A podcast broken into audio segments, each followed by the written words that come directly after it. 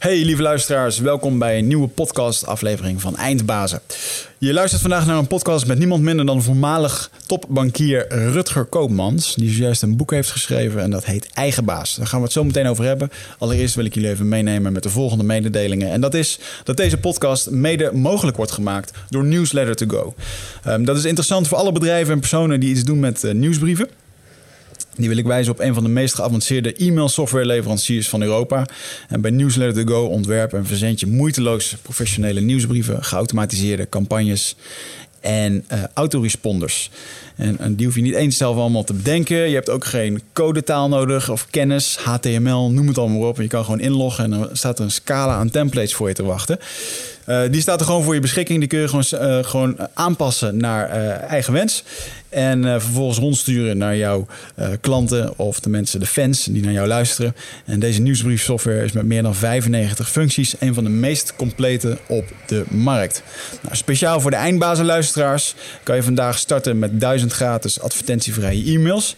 Die je per maand kan versturen naar een onbeperkt aantal ontvangers. Ga daarvoor eventjes naar newslettertogo.com slash eindbazen. En newsletter schrijf je newsletter2go.com kom. En dan kom je er wel. En daar staat alles in over uh, deze speciale aanbieding. Ga er eventjes heen. Zeker als je een fan bent van onze podcast en je wil ons supporten. En uh, je bent toevallig bezig met e-mail marketing. Waarderen we het onwijs als je het via deze weg eventjes gaat uitchecken. Uiteraard wil ik ook Nutrofit eventjes aanhalen. Dat is het bedrijf van mij en Michel. Het supplementenbedrijf wat de podcast mogelijk maakt en eigenlijk ook gewoon onderhoudt. Want alles wordt uh, financieel voldaan vanuit, uh, vanuit Nutrofit. En dat is, de, dat is hetgeen waar het geld mee wordt verdiend voor mij en Michel. Wij zijn een webshop gespecialiseerd in supplementen, vooral in nootropica. Dus heb je straks een keertje examens, um, heb, je heb je een stukje creatieve flow uh, nodig binnenkort. Of uh, misschien wil je op een podium staan binnenkort en wil je dat de woorden wat meer flowen. Dan hebben we daar allemaal toffe supplementen voor, die je gewoon kan proberen. En op het moment dat het niet werkt, dan kan je ze zelfs ook nog terugsturen. Uh, want wij staan achter de producten die wij verkopen. En we vinden dat als het, uh, als het niet goed bevalt, ja, dan, dan vinden we het, vinden we willen eigenlijk gewoon een fijne, relatie met onze klant houden. En dan kan je het gewoon terugsturen. Dus ga ervoor naar nutrifit.nl. gebruik een kortingcode eindbazen. En dan heb je 5% korting op al je supplementen. Dan organiseer ik een evenement op 6 augustus in Amsterdam. Uh, een eendaagse workshop overleven in de jungle. En dan met hetzelfde thema, daar gaf ik onlangs een lezing over. En het ging erover hoe je je passie kan ontdekken en hoe je je missie kan vinden. En uh, dan kregen we toch wel wat vragen om daar verder op in te gaan. En daarom heb ik een, een eendaagse georganiseerd. Dus als jij het lastig vindt om bij je gevoel te komen, of misschien komen je doelstellingen maar niet van de grond, of je weet gewoon weg niet wat je wilt, dan is er een grote kans dat je vastzit in bepaalde patronen. En uh, je kent het wel, hè? dat je gevoel zegt van ja, ik moet eigenlijk veranderen van baan of van relatie of van uh, levenspad misschien wel, maar ik doe het maar niet. Uh, als je me kan resoneren met een van die punten, dan, uh, dan is het geen toeval dat je het hoort. En dan moet je er gewoon bij zijn. Ga daarvoor eventjes naar wiggertmeerman.com en kijk bij evenementen. Dan zie je de eendaagse workshop uh, met mij staan. Um, dan als laatste de Mastermind. in januari dit jaar zijn Michel en ik begonnen met een mastermind groep. Oftewel, met tien ondernemers gaan we kaart aan de slag een jaar lang. En uh, we zijn begonnen nu in januari. En uh, nou, we zijn nu een aantal bijeenkomsten verder. En we zien daar al toffe resultaten van mensen die echt uh, belachelijk veel meer omzet wisten binnen te halen. Sommige mensen hebben wat meer personeel kunnen aannemen. Sommigen zijn hard bezig om hun eerste stappen te maken. Van ZZP'er naar, naar meerdere medewerkers. En dat is heel erg gaaf om te zien. Wat wij doen in dit jaar is een jaar lang een stukje structuur, een stukje accountability. En nou, uiteindelijk wat natuurlijk het allerbelangrijkste is, is dat we samen daar naartoe werken. En dat is wat we aanbieden. Dus we bieden een bepaald systeem aan. Het systeem wat Michel helemaal heeft gebouwd, het 12-wave systeem. Jullie was niet onbekend als je dit vaker luistert. En wat we bieden in dit systeem of in dit jaar is dus een bepaalde structuur, een bepaalde methodiek en, en die accountability om je doelen te behalen. Want vaak als je een eigen baas bent, ja, dan heb je eigenlijk um, zelf ook nog een baas nodig. Maar ja, die heb je niet als je eigen baas bent. Dus dan is het goed om een coach of een mastermind in de hand te nemen. Ja, voor degenen die daar interesse hebben, uh, ga daarvoor eventjes naar 12-waves.com slash masterminds. En dan kun je samen met mij en Michel aan de slag in september. Uh, vorige keer waren we redelijk snel vol, dus ik verwacht dat dat nu weer het geval is. Dus uh, misschien ken je iemand en wil je hem hier eventjes op, op tippen. Eigen baas, grappig, want ik, ik noemde het net al. En onze nieuwe Ehm, podcast waar je nu naar gaat luisteren, die was met een voormalig bankier genaamd Rutger Koopmans. En die heeft juist ook een boek geschreven, dat heet Eigen Baas. Rutger was al baas. Hij was baas bij een, uh, een, uh, een ING-kantoor. En um, het was wel heel erg grappig om met hem te praten over de, hoe het vroeger was in de, in de bankenwereld, in de bankierswereld. Hoe hij met een eigen privéchauffeur werd rondgereden. Alles was mogelijk. Het geld kon maar niet op.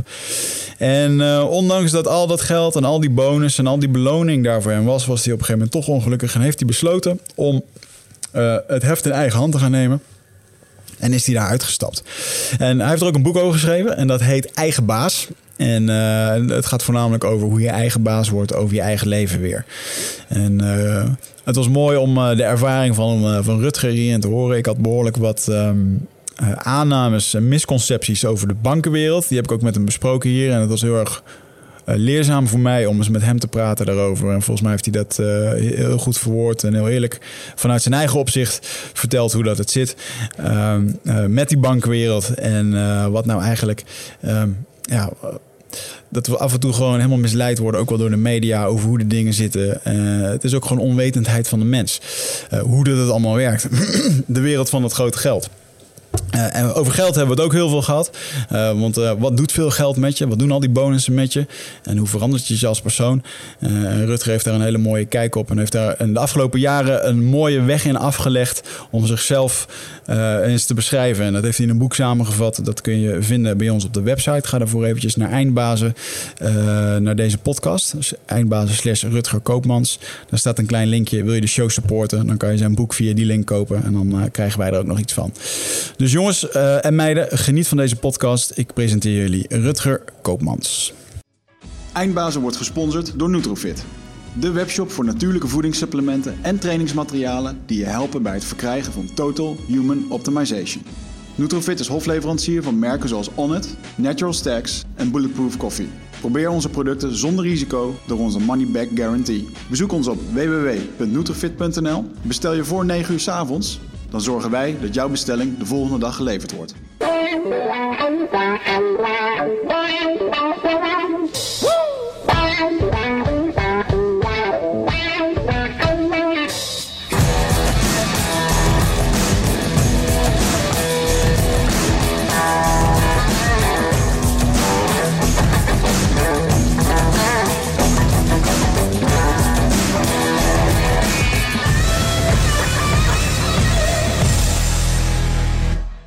Jongen, zijn we weer. Ja, ik hoop dat de luisteraars mij nu beter horen. Ja, dat is wel over geklaagd. Bedolven onder het kritiek dat ze mij de afgelopen afleveringen niet goed hoorden, want ik praatte niet in mijn microfoon. Oh jee. Dus wij zitten hier met een nieuwe setup te klooien met uh, hoe, hoe, de camera het beste staat en uh, de microfoons. En Zelfs Patrick Kikker die nam nog even de moeite om dit via iTunes aan ons kenbaar te maken. Ja. dus als je het van de beste radio DJ van Nederland krijgt te horen, dan moet er echt wat gebeuren. Moet je, je aan vrienden. de bak. Je hebt vrienden. Ja, Ja. ja. het, is, het is fijn als mensen feedback Als ze niks meer tegen je zeggen, dan moet je je zorgen maken. Ja. Ja. Ja. Ja. Hoe, hoe, hoe ervaar jij dat overigens? Ehm, we krijgen wel eens feedback. Vind, je dat, vind je dat leuk? Ja, nou, dat vind ik juist een beetje het nadeel. Dat ehm, eh, het succes bij ons zit in iTunes, maar dat is downloaden en er gebeurt verder eigenlijk niks. Geen interactie of zo.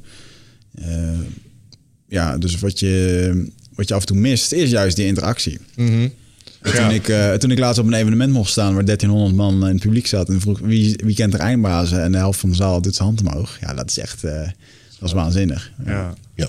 Ja, in dat opzicht, eh, ik denk dat er ook een heleboel mensen eh, ons verder die luisteren op iTunes. Laten we het zo zeggen. Als we kijken naar hoeveel, de hoeveelheid volgers die we hebben op bijvoorbeeld een Facebook. En we vergelijken dat met de hoeveelheid downloads die we hebben op iTunes. Dan, dan snap ik niet dat 5000 volgers zoveel downloads kunnen genereren. Ja. Dus, dus daar, zit een, eh, daar zit een verschil in. Dus stel jij bent een van die mensen die op iTunes zit en jij hoort het. En je denkt, oh ja, misschien die jongens ook maar eens een keer volgen op Facebook. Dat vinden we echt superleuk. Dus Ja. Ja, we hebben ook een Facebookgroep Eindbazen Enthusiasts. Dus daar kunnen mensen een beetje ons leuk. vragen stellen. Doen. En, eh, Ja. Dat is wel een beetje het nieuwe interactiemedium. Ja. Ja, lachen. ja.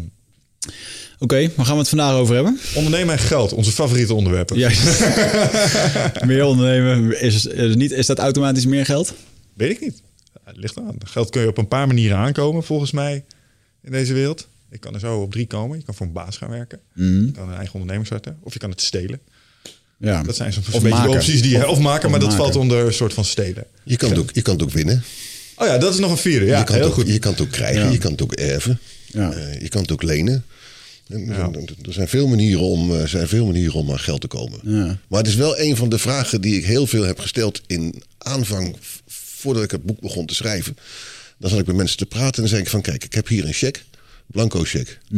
En als alles wat jij wil doen in je leven, als dat nou zou afhangen van het bedrag wat ik hier op deze cheque schrijf. Eh, met andere woorden, dat bedrag wat ik hier opschrijf is in feite het bedrag wat jou geestelijk vrijmaakt van allerlei bezonjes. Ja. En dan kan je voor de rest kan je doen wat je wil. Ja. Kan je werken, kan je niet werken, kan je zeggen ik eh, ga verhuizen of niet verhuizen. Je kan gewoon je leven leiden zonder dat je hoeft na te denken. Oh ja, maar dat moet ik ook nog betalen. Eh, heb ik daar wel het geld voor? Nou, die vraag heb ik denk ik toch wel een paar duizend keer in de afgelopen 10, 15 jaar aan mensen gesteld. Omdat ik merkte hoe geobsedeerd mensen eigenlijk zijn door geld. Maar ook soms hoe geblokkeerd ze zijn door, door geld. Iemand heeft mij ooit eens een keer gevraagd van... Rutger, wanneer ben jij eh, financieel onafhankelijk geworden? En ik schrok van die vraag, want ik, ik voelde me helemaal niet financieel onafhankelijk. Daar had ik echt nog nooit in die termen over nagedacht. Dus ik heb toen gezegd tegen die persoon... Ja, maar ik geloof niet dat ik financieel onafhankelijk ben, maar ik ben geestelijk onafhankelijk. En dat is, dus, dat is dus dat bedrag wat op die cheque staat. Dus als, als, als ik jou nou, ik kijk jou nu even aan, wat, wat, welk bedrag staat er op jouw cheque? En eigenlijk moet jij nu even je, je, je vingers in je oren doen. Nou, want maar wij bespreken dit samen. het, dus het wij- bedrag wat hij nu gaat noemen, dat, dat is misschien een ander bedrag. Kijk, wat ik maar zeggen wil, dat is een heel persoonlijk bedrag. Ja. Als je dat 50 mensen in de zaal vraagt, ik deed dat gisteravond nog. Ik was gisteravond bij een businessclub in Elburg. Heb ik iedereen dat op een stukje papier laten opschrijven.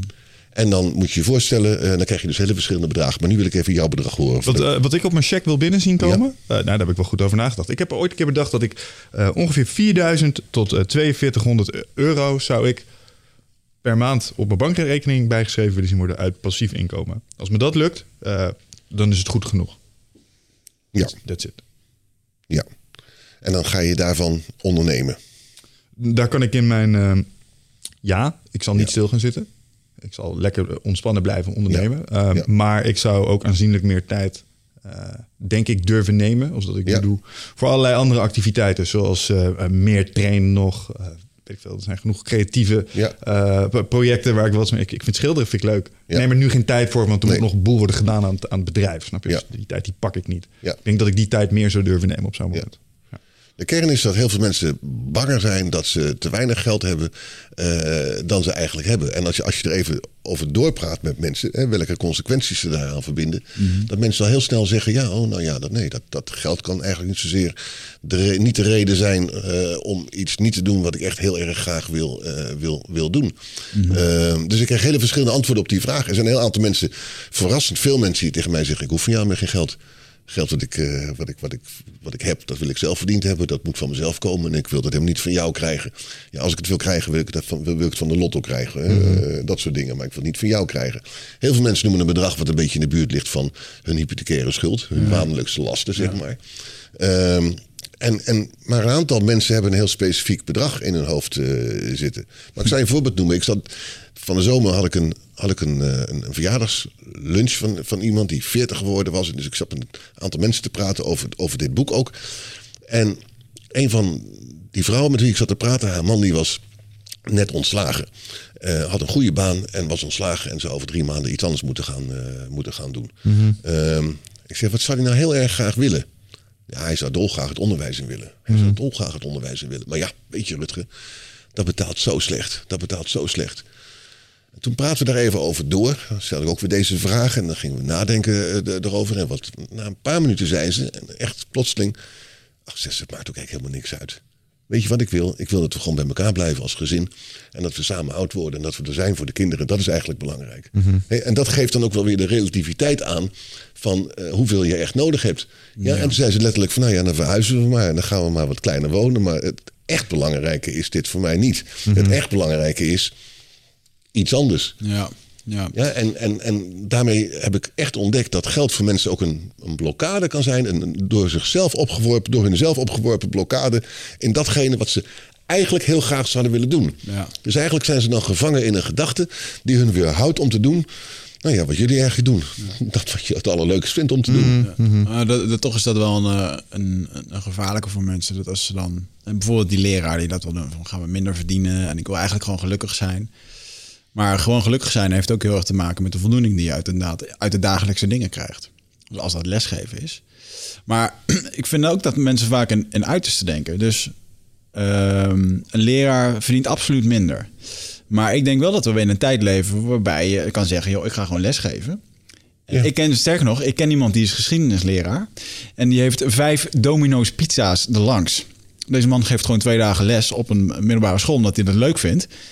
En het is een mooi type leraar ook. Helemaal zijn arm ondergetatoeëerd, zo'n hele sleeve. Uh, ja, helemaal niet de type waarvan je daar denkt. En hij heeft gewoon vijf Domino's pizza's erbij als onderneming, weet je wel. En hij vindt het leuk om dat te doen. Ja ik vind dat bizar. Ik vind dat mooi. En dat kan in deze tijd. Dus het, het kan schijnbaar ook samen. Hij volgt dus heel duidelijk zijn eigen hart. Hij, volgt, hij, zit, hij zit dicht bij wat hij wil. Hij, hij weet dus waar hij gelukkig van wordt dus dat is ook wat in mijn tip van de week zit. He. Weet wat je, waar je gelukkig van wordt en heb vertrouwen in je eigen principes. Mm. En als dat jouw principes zijn, leef daar dan ook gewoon naar. Mm. En wat anderen daarvan vinden, van die, van die vijf domino's of van die, van, van die tattoos of van die lerarenbaan.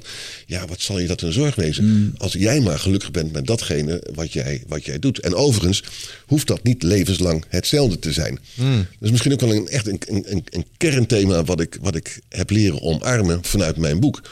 Kijk, je, je bent in deze maatschappij natuurlijk heel erg veel wat je doet. Hè? Je, je, wordt opgeleid en dan word je bijvoorbeeld chirurg. En als je een goede chirurg bent, dan noem je je een echte chirurg. Mhm. Maar ja, in die goede chirurg en die echte chirurg zit misschien ook wel een schilder, zit misschien ook wel een leraar, zit misschien ook wel een heel ander beroep en zit ook wel een heel ander talent.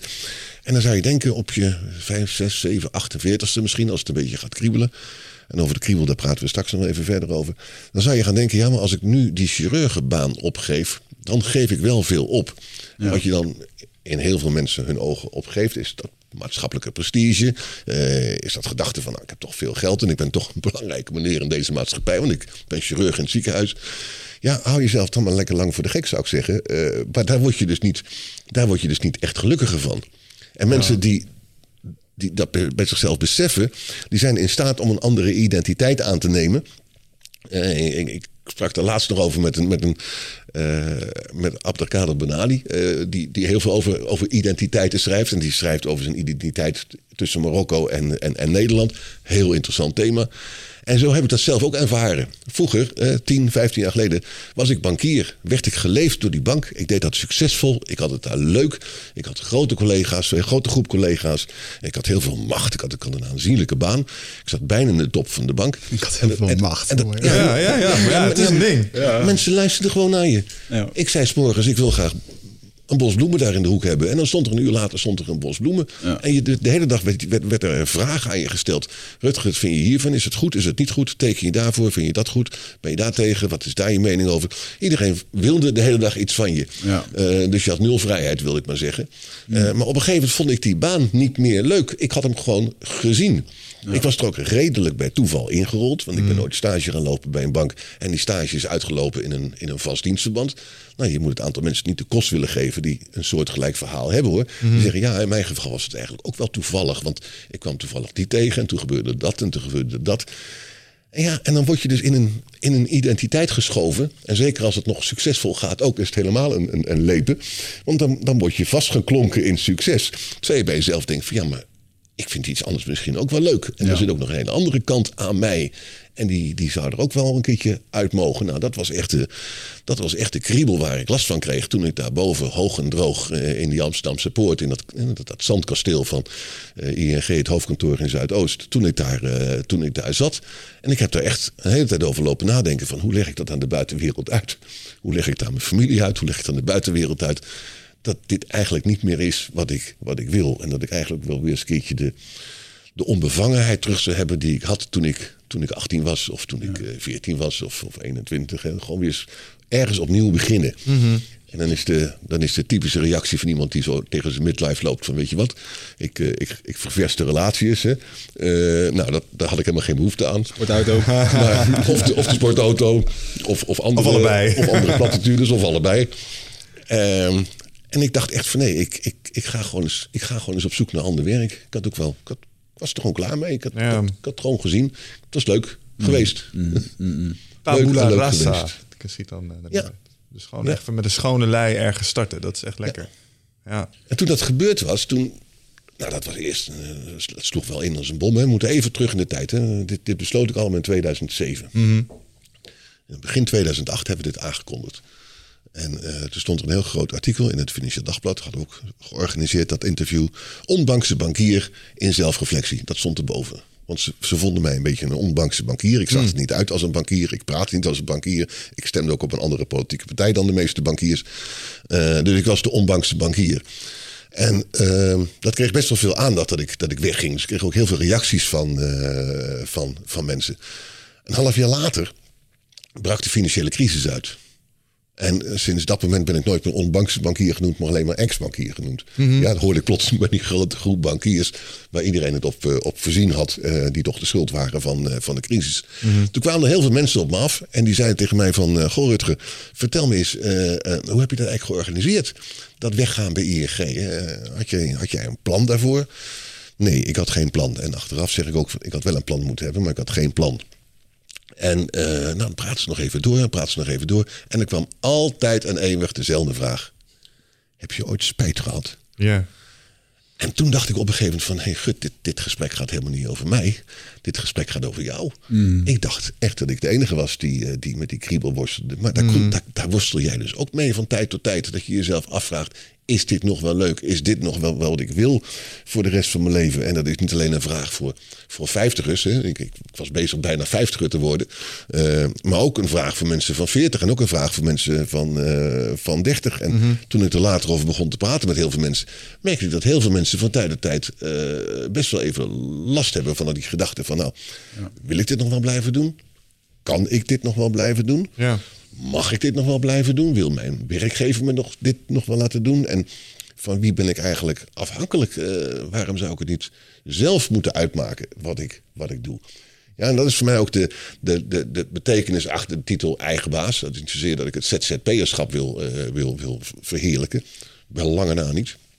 Want ik vind dat ZZP'ers in deze maatschappij voor een heel groot gedeelte ook gewoon uitgebuite werknemers zijn die op een handige manier eh, buiten bedrijven worden, worden gezet. Ja, ja, zeker. Ja. En daar heb ik echt sociaal. Nou ja, daar is de sociaal-democraat tegen mij komt daar, eh, in mij komt daar tegen in, eh, in opstand. Het heeft helemaal niks te maken met de zelfgekozen zelfstandigheid. Het is gewoon een soort, ja, ik zou bijna zeggen, een Low soort risk investment voor een bedrijf. Ja. gesublimeerde afhankelijkheid eh, van, eh, van de werknemer ten opzichte van zijn werkgever.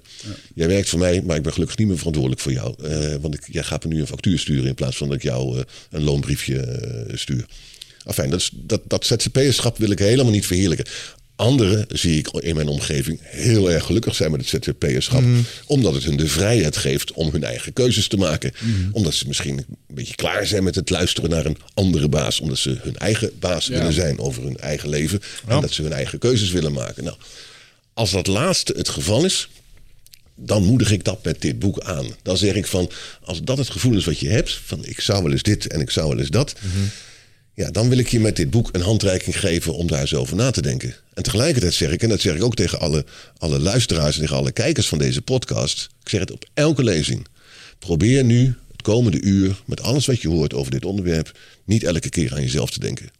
Maar neem eens voor de gedachte, voor, je, voor, de, voor, de, voor de lol, twee of drie mensen in je gedachten.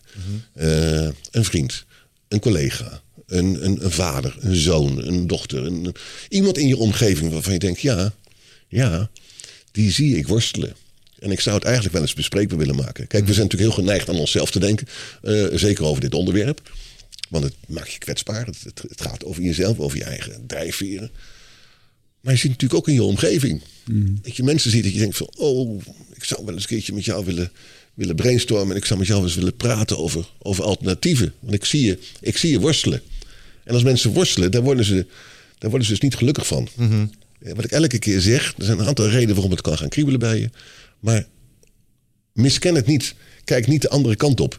1 op de zeven mensen in Nederland, geregistreerd aantal is dit, 1 op de zeven mensen in Nederland heeft een werkgerelateerde burn-out. Dan kan je er rustig vanuit gaan dat eenzelfde groep daar tegenaan hangt.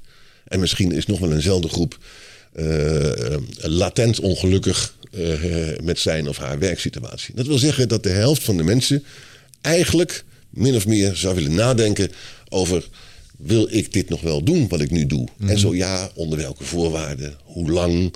Wil ik daar misschien de context van gaan veranderen? Wil ik misschien het in een andere vorm gaan, eh, gaan gieten? En zitten er misschien nog talenten in mij, dromen, wensen, verlangens in mij, die er nog een keertje uit moeten? En dat bedoel ik ook met mijn tip van de week. Aan, aan dat soort principes.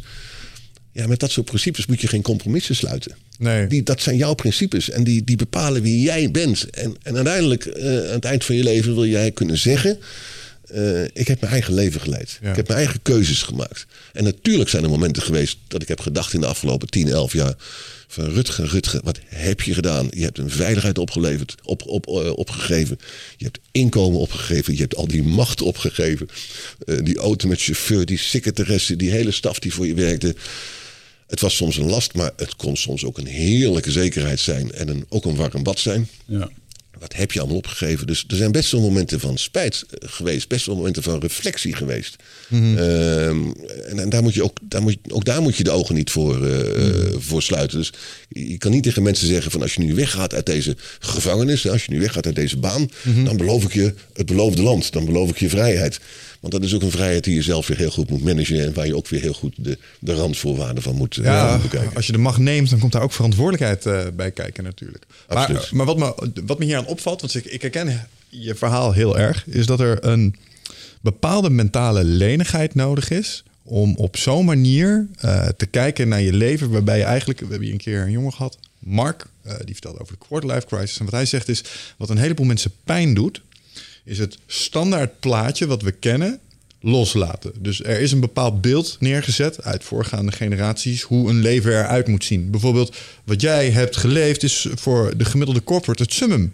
Binnen een organisatie opklimmen naar de bovenste eh, lagen van de organisatie. En dat is het dan, dat is je carrière. En als ik kijk naar mijn vader bijvoorbeeld, is regisseur, is eh, politieagent en regisseur geweest. Maar allemaal voor dezelfde baas. En gewoon klimmen binnen die organisatie. En eigenlijk ook, dat- was zijn ding, weet je wel. En dat vond hij perfect. En op geen één moment heeft hij, vermoed ik, ehm, anders als binnen de politie eh, gekeken naar andere functies. Snap je? En Ja. dat was ook eigenlijk wel een beetje standaard hoe dat, Ja. hoe dat ging. En als ik naar mezelf kijk, nou ja, ik merk het nu nog wel een beetje als ik het met mijn vader over mijn ondernemerschap heb. En ik denk dat Wigert dat, eh, die heb ik daar ook wel eens over horen praten. Ehm, wij zijn altijd een beetje, eh, precies wat jij zegt, onze energie achteraan gegaan. Oh, eerst was ik dit. Toen was ik dat. Toen ben ik dit gaan doen. En het is inderdaad elke keer een andere identiteit.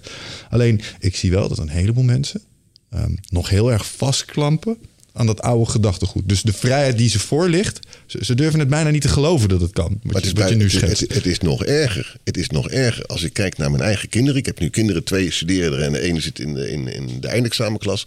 Als ik zie wat daar de afgelopen jaren gebeurd is. En, en hoe ze in feite vanaf de lagere school, die keuze voor de middelbare school, hoe die beïnvloed wordt door de omgevingen, door de leraren en door allerlei adviestesten en toetsen en ga ze maar door. En het is labeltje hier en het is labeltje daar en dan kom je op die middelbare school en je- je- dat, dat systeem dat, dat, dat maakt zich zo meester eh, van, eh, mag ik het zeggen, dat kinderlijke brein. Mhm. Eh, Dat, wordt gewoon een, dat wordt gewoon een systeembrein. Dat wordt helemaal geconditioneerd. Mhm. En dan komen er profielen en die profielen zijn bedacht. En als jij dan zegt, oh ik vind CNM, hè, cultuur en maatschappij, vind ik een leuk profiel. Dan zegt er een leraar tegen jou, dat is zonde. Want je bent zo goed in natuurkunde en je bent zo goed in wiskunde. En dan zou je dus zomaar CNM laten vallen. Iets wat je dus heel erg leuk vindt, wat je Mhm. dus boeit, waar je energie van krijgt. Want dat is, het, dat is echt, hè, dat is de, de heilige graal hè, die je net noemt. Hè. Ja, dat gaat over energie. Hè. Eh, het is een, ik vind het een ongelofelijke, mag ik het zeggen, eikel van een man. Ja. Maar, die, maar die Jack Welch, die zei ooit, eh, of heeft ooit een keer geschreven... It's all about energy and energize. Ja, hoeveel energie zit er in je en hoeveel energie kan je aan dingen geven en van dingen krijgen. En hij kon niet meer gelijk hebben dan dat. Dat is namelijk zo ontzettend waar. Maar goed, dan gaan die kinderen, gaan ze door dat, die middelbare school heen. Nu zit mijn jongste dochter op dit moment in die keuzestress van wat ga ik doen? Ga ik een gap hier nemen? En dat geeft echt stress. En dat geeft gewoon echt stress aan, al die, aan al die kinderen. En als er dan iemand is die in hun omgeving, die nog niet weet wat hij moet gaan doen. Dus die zegt, van, weet je wat, ik ga gewoon eens even een jaartje studeren. En ik kijk wel of ik het leuk vind. Dan wordt daar toch een beetje naar gekeken door heel veel mensen. Van nou, nou, nou, nou, nou, nou, nou. Wat moet daar nou van worden? Terwijl kijk nou eens naar jezelf.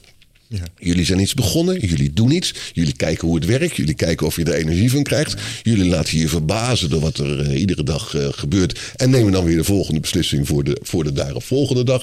Af en toe maak je eens een plannetje en zo. En zo kom je volwassen door het, eh, door het leven. Nou, als je dat eens gedaan hebt je hele leven en, en je bent 30 en al die wijze raden van het NTR en van die studie, et cetera. Of je bent niet succesvol, dus je zit nog niet eh, in de, de top van, eh, of op weg naar de top van het corporate bedrijfsleven.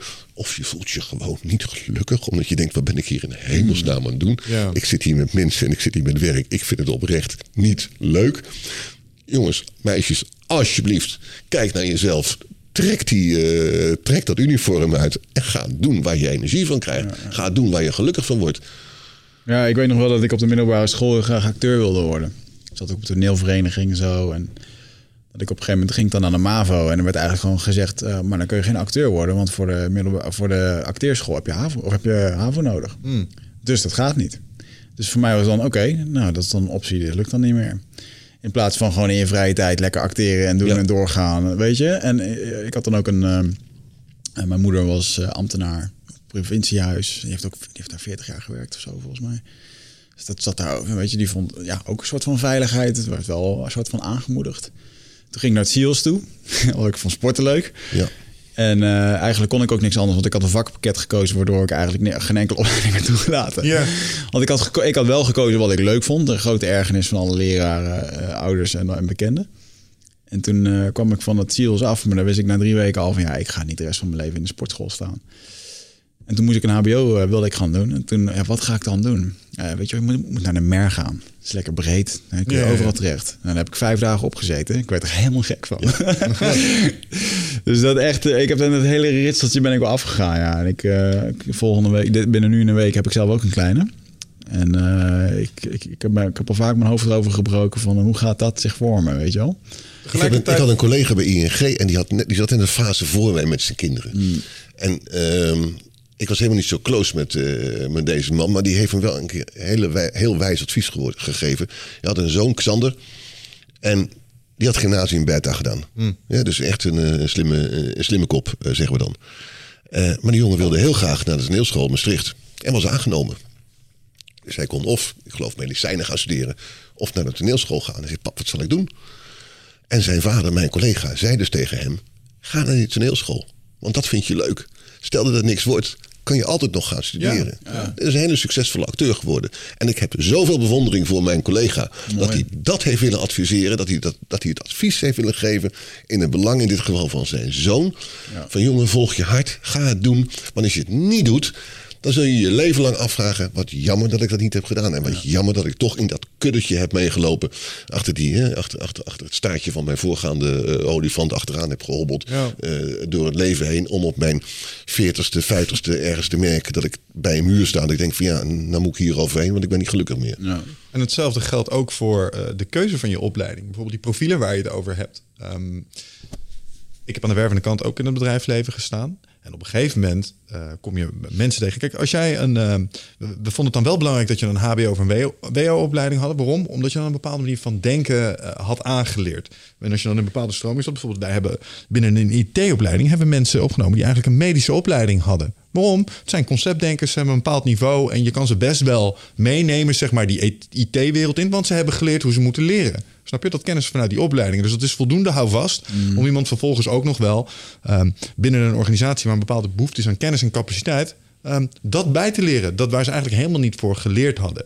Dus tegelijkertijd, je opleiding momenteel is ook niet een soort vonnis. eh, om maar in een heel beperkt straatje eh, iets te blijven doen. Ik bedoel, ik ben een HAO, commercieel econoom. Mijn eerste baantje was grafisch vormgever. Ja. Dus niet, dus, weet je, het, het maakt niet zoveel uit. Toch, maar toch komt er wel iets bij en dat moeten we, daar moeten we niet de ogen voor sluiten.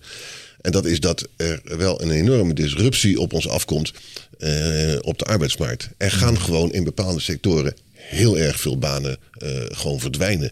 Er is ook heel veel mensen die nu een baan hebben en die baan heel graag zouden willen vasthouden, nog heel erg lang. Die worden gedwongen tussen nu en vijf en misschien zeven jaar eh, om, het, eh, ja, om de wissel om te zetten en, en iets anders te gaan, eh, te gaan zoeken. Hoe gaat die disruptie eruit zien volgens jou? Wat, wat gaat er gebeuren en waarom raken die mensen hun baan kwijt?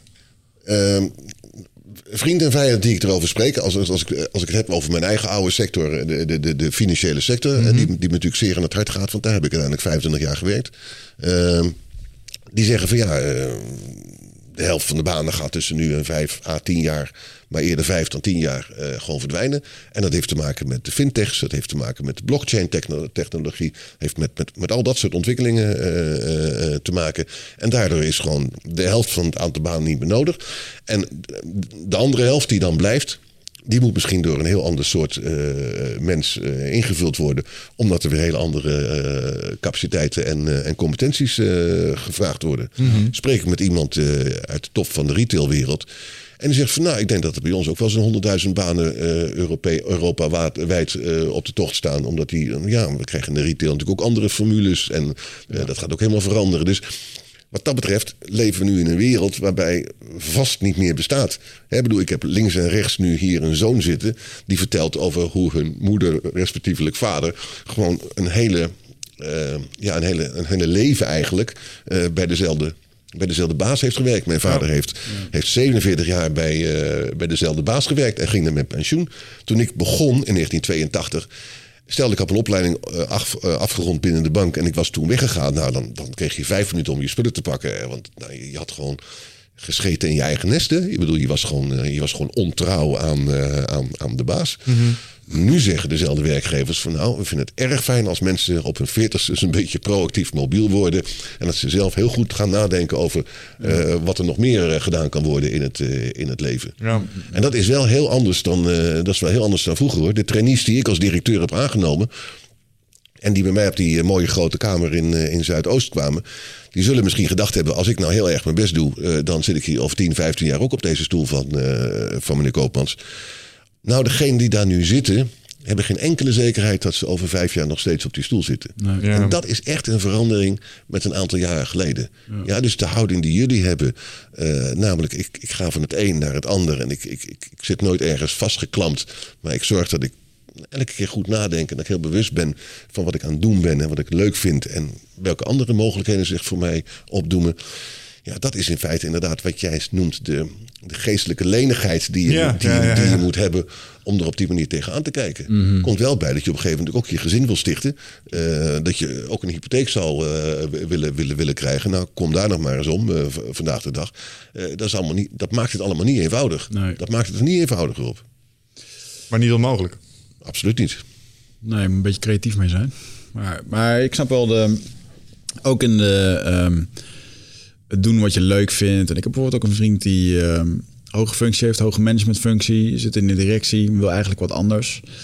Maar hij is altijd heel erg lang product manager geweest. En als hij dan naar zo'n recruiter gaat, ja, dan wordt er toch gekeken. Ja, maar je hebt toch altijd product management gedaan. En dan.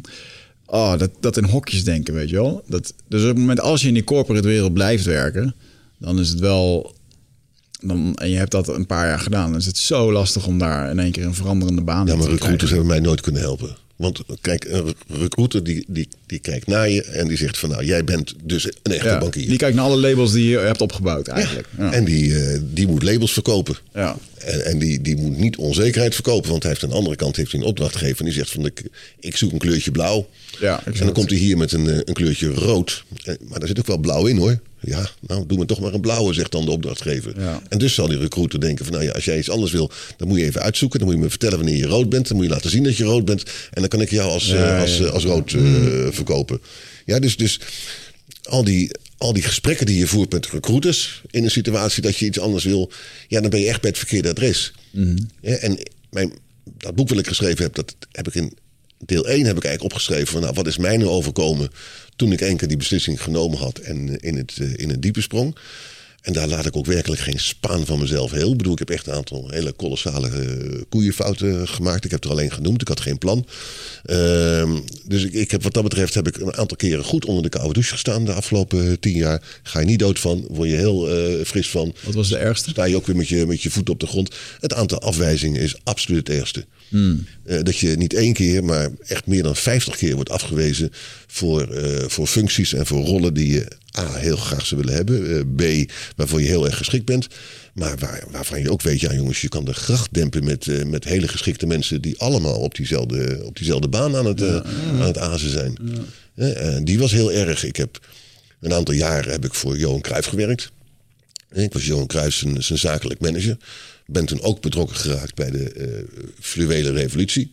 Nou, daar was niks fluweels aan voor de mensen die daar. Uh, Help me even met de fluwele revolutie. Ik heb ook echt geen idee wat dat is. Nou, de fluwele revolutie, dat was de, de, de, de verandering die, die Cruijff op zijn Cruyffiaanse manier probeerde te bewerkstelligen bij Ajax uh, okay. 2010, 2011. Je zit hier met twee non-voetbal. Uh, wij, wij werden met Mark van Bommel op de foto gezet bij PSV en we wisten niet wie Mark van Bommel was. nou, het is in ieder geval, het, het, gaat ook niet zozeer om Cruijff en om, om voetbal. Het gaat om het feit dat je, dat je iemand adviseert die, nou, die, die een enorme bekendheid heeft en een enorme invloed heeft en, en enorm veel macht heeft over, uh, over mensen en over de situatie. Uh, ik was zijn adviseur. En of je nou voor of tegen hem was, je kon allemaal wel iets te zeggen hebben over die adviseur.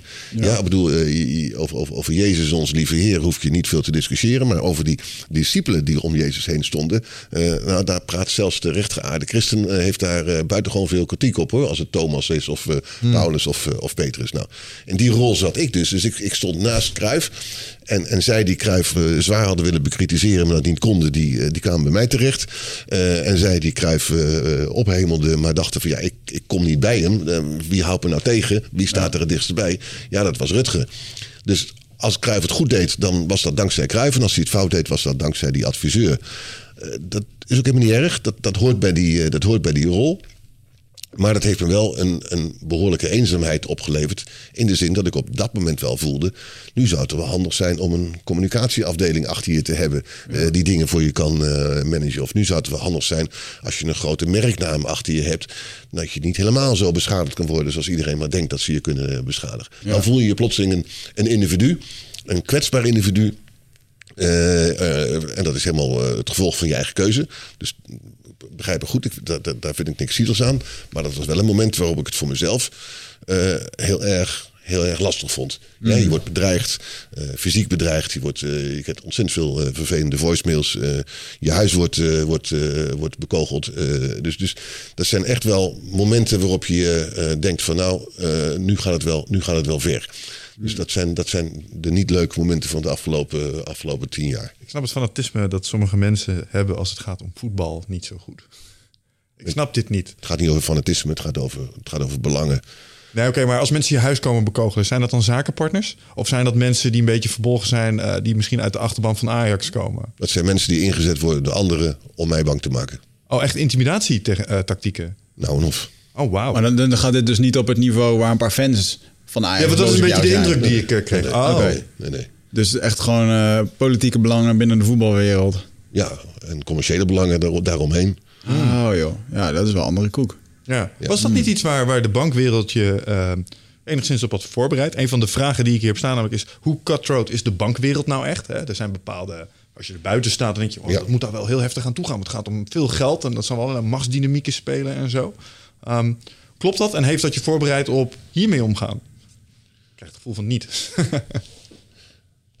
Weet je, een, een bank is uiteindelijk een, uh, een dienstverlenende organisatie. En daar werken mensen die, uh, die anderen graag een, uh, een commerciële dienst verlenen. Mm. Um, en dat is ook wel de reden hoor, wat jij nu zo zegt. is ook een van de redenen waarom ik het bankwezen ook niet meer zo leuk begon te vinden. zo rond 2004, 5, 6, 7. Een beetje in die periode. Na de internetcrisis en voor de financiële crisis van 2008. Mm-hmm. Uh, het was de opkomst van private equity in, uh, in het land. En het was ook de opkomst van de gedachte dat als bankiers nou zo nodig meenden wat ze zeiden, dan moesten ze, dan moesten ze ook maar eens een keertje de gevolgen dragen van hun adviezen. Van u verdient wel een salaris en u heeft wel een mooie dertiende maand. Maar wij willen dat u een bonus krijgt. Want als u een bonus krijgt, dan bent u tenminste echt ook betrokken bij het resultaat van uw, uh, van uw advieswerk. Ah. Dat was, was de periode dat als de bank een notering kreeg aan de Amerikaanse beurs, dat, er, dat is gebeurd, dat ze zeiden van ING van ja, vinden we toch niet een serieuze organisatie, want de raad van bestuur van de ING heeft geen eens opties. Dus dat vinden wij in Amerika maar heel gek dat, uh, dat, een, dat, dat een bedrijf geleid wordt door een directie die geen, uh, die geen, die geen opties heeft. En daarmee zeggen ze dus een directie die uh, de financiële consequenties van hun daden niet voelt. Exact. Ja, oké, okay, check. Ja, ja, ja. ja en de, de oude positie van de bankier was de middleman. Uh, voor de een ben je degene uh, wiens spaargeld veilig is bij jou. Voor de andere ben je degene aan wie je een hypotheek verstrekt. Uh, je verkoopt de een zijn bedrijf wat de ander koopt. en het belang is dat, dat, dat jij vindt dat er een transactie tot stand moet komen die voor beide partijen goed is. Nou, dat veranderde op een gegeven moment heel danig. Want de bankiers kregen gewoon, deelden gewoon mee in de winst van een, uh, van een transactie. Dus als er een hele grote transactie was en er werden heel veel fees verdiend door alle accountants, door alle fiscalisten, door alle uh, consultants om die uh, transactie heen, ging de bank daar ook geld mee verdienen. Mm. En dus ook de bankiers die daarbij, die daarbij betrokken waren. En dat vond ik een ontwikkeling waarvan ik dacht van ja, maar dan ben ik mijn eigenlijk mijn onafhankelijke positie ben ik, uh, ben ik kwijt. Mm-hmm. Want in het ene geval was ik betrokken bij de verkoop van een bedrijf. Maar in een andere situatie kon ik voor diezelfde persoon misschien een bedrijf moeten kopen. En ik wil eigenlijk geen belang hebben bij de uitkomst van een transactie. Ik heb wel eens een keer een, een ondernemer gehad. En die konden zijn bedrijf voor heel veel geld verkopen. En uiteindelijk, door een vraag van mij heeft hij besloten om zijn bedrijf toch maar niet te verkopen. Uh, en het bedrijf gewoon maar te houden uh, voor de rest van zijn leven. En dan moest er maar een stichting komen die zou uh, bepalen wat er met, met, met, het bedrijf gebeurde. als hij overleden zou, zou zijn. Nou, dat kostte ons veel geld. Want als we dat bedrijf hadden kunnen verkopen, hadden we daar veel geld mee verdiend. Alleen deze relatie was ons, mij, zeer dankbaar om dat advies. Omdat hij zich eigenlijk het, uh, het, het, meest happy voelde en ja. lang voelde uh, met dat, uh, met dat advies. Ja. Nou, en, en dat kan niet meer vandaag de dag. Dus dat is, dat, dat is verdwenen. en, en toen zag ik een spel ontstaan waarop ik dacht van ja, maar dat is eigenlijk niet het spel waar ik aan mee wil doen. Want Waarom kan dat niet meer? Word je dan teruggefloten? Omdat de, de, de, de, belangen zijn te groot. En, en de bank moet gewoon uh, het heel erg goed doen. Moet, uh, wordt ook bekeken hoe, hoe, hoeveel transacties een bank doet. En hoe, hoe groot die transacties zijn die een bank uh, doet.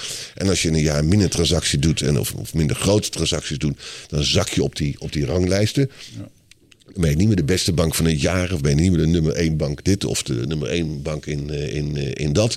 Uh, en dan, ja, dan, dan, daal je dus, dan daal je dus in aanzien. Dus het, waar ik over praat is een, is een, is een romantische periode uit het, uit het verleden.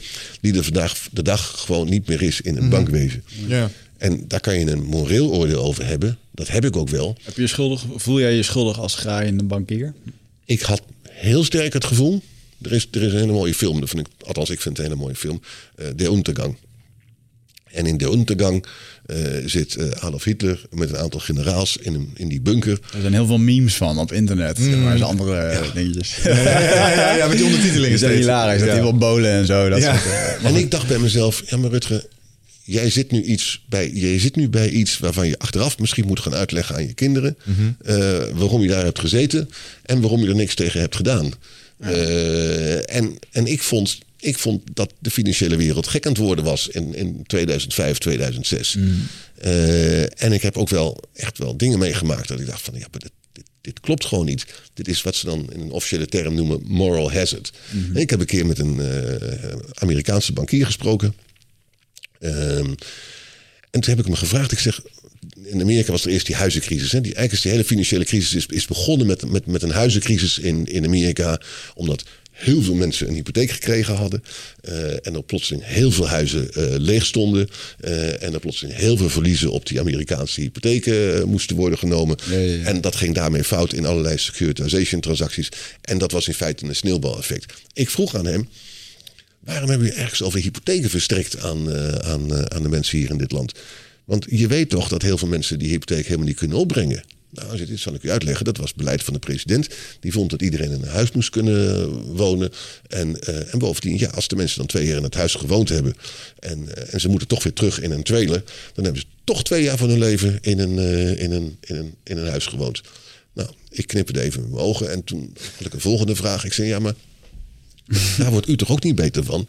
Want u heeft plotseling allemaal huizen die, uh, die leeg staan. En daar moet u ook iets mee. Zegt meneer Koopmans. Dat is een grafiek en ik zal u laten zien. Maar sinds, het kwam met een jaartal uh, heel ver geleden.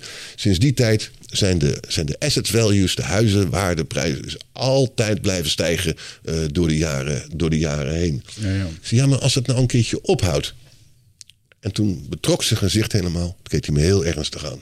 Hij zei, ja, zit hij dan hebben we een groot probleem. Hmm. En toen hij dat had laten indalen, begon hij te lachen en zei hij van ja, maar dan zullen we waarschijnlijk niet de enige zijn. Met andere woorden, hij, hij wist gewoon dat als dit probleem te groot zou worden, dat het systeem, lees de belastingbetaler, eh, iedereen wel zou, eh, eh, zou, zou redden.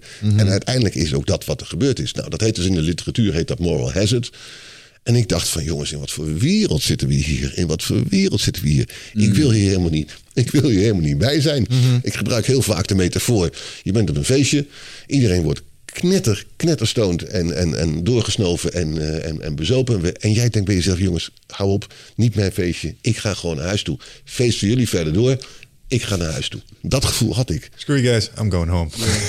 En ik heb ook helemaal geen, nogmaals, ik, ik, ik vind er wel iets van, maar ik wil helemaal geen moreel oordeel uitspreken over die sector.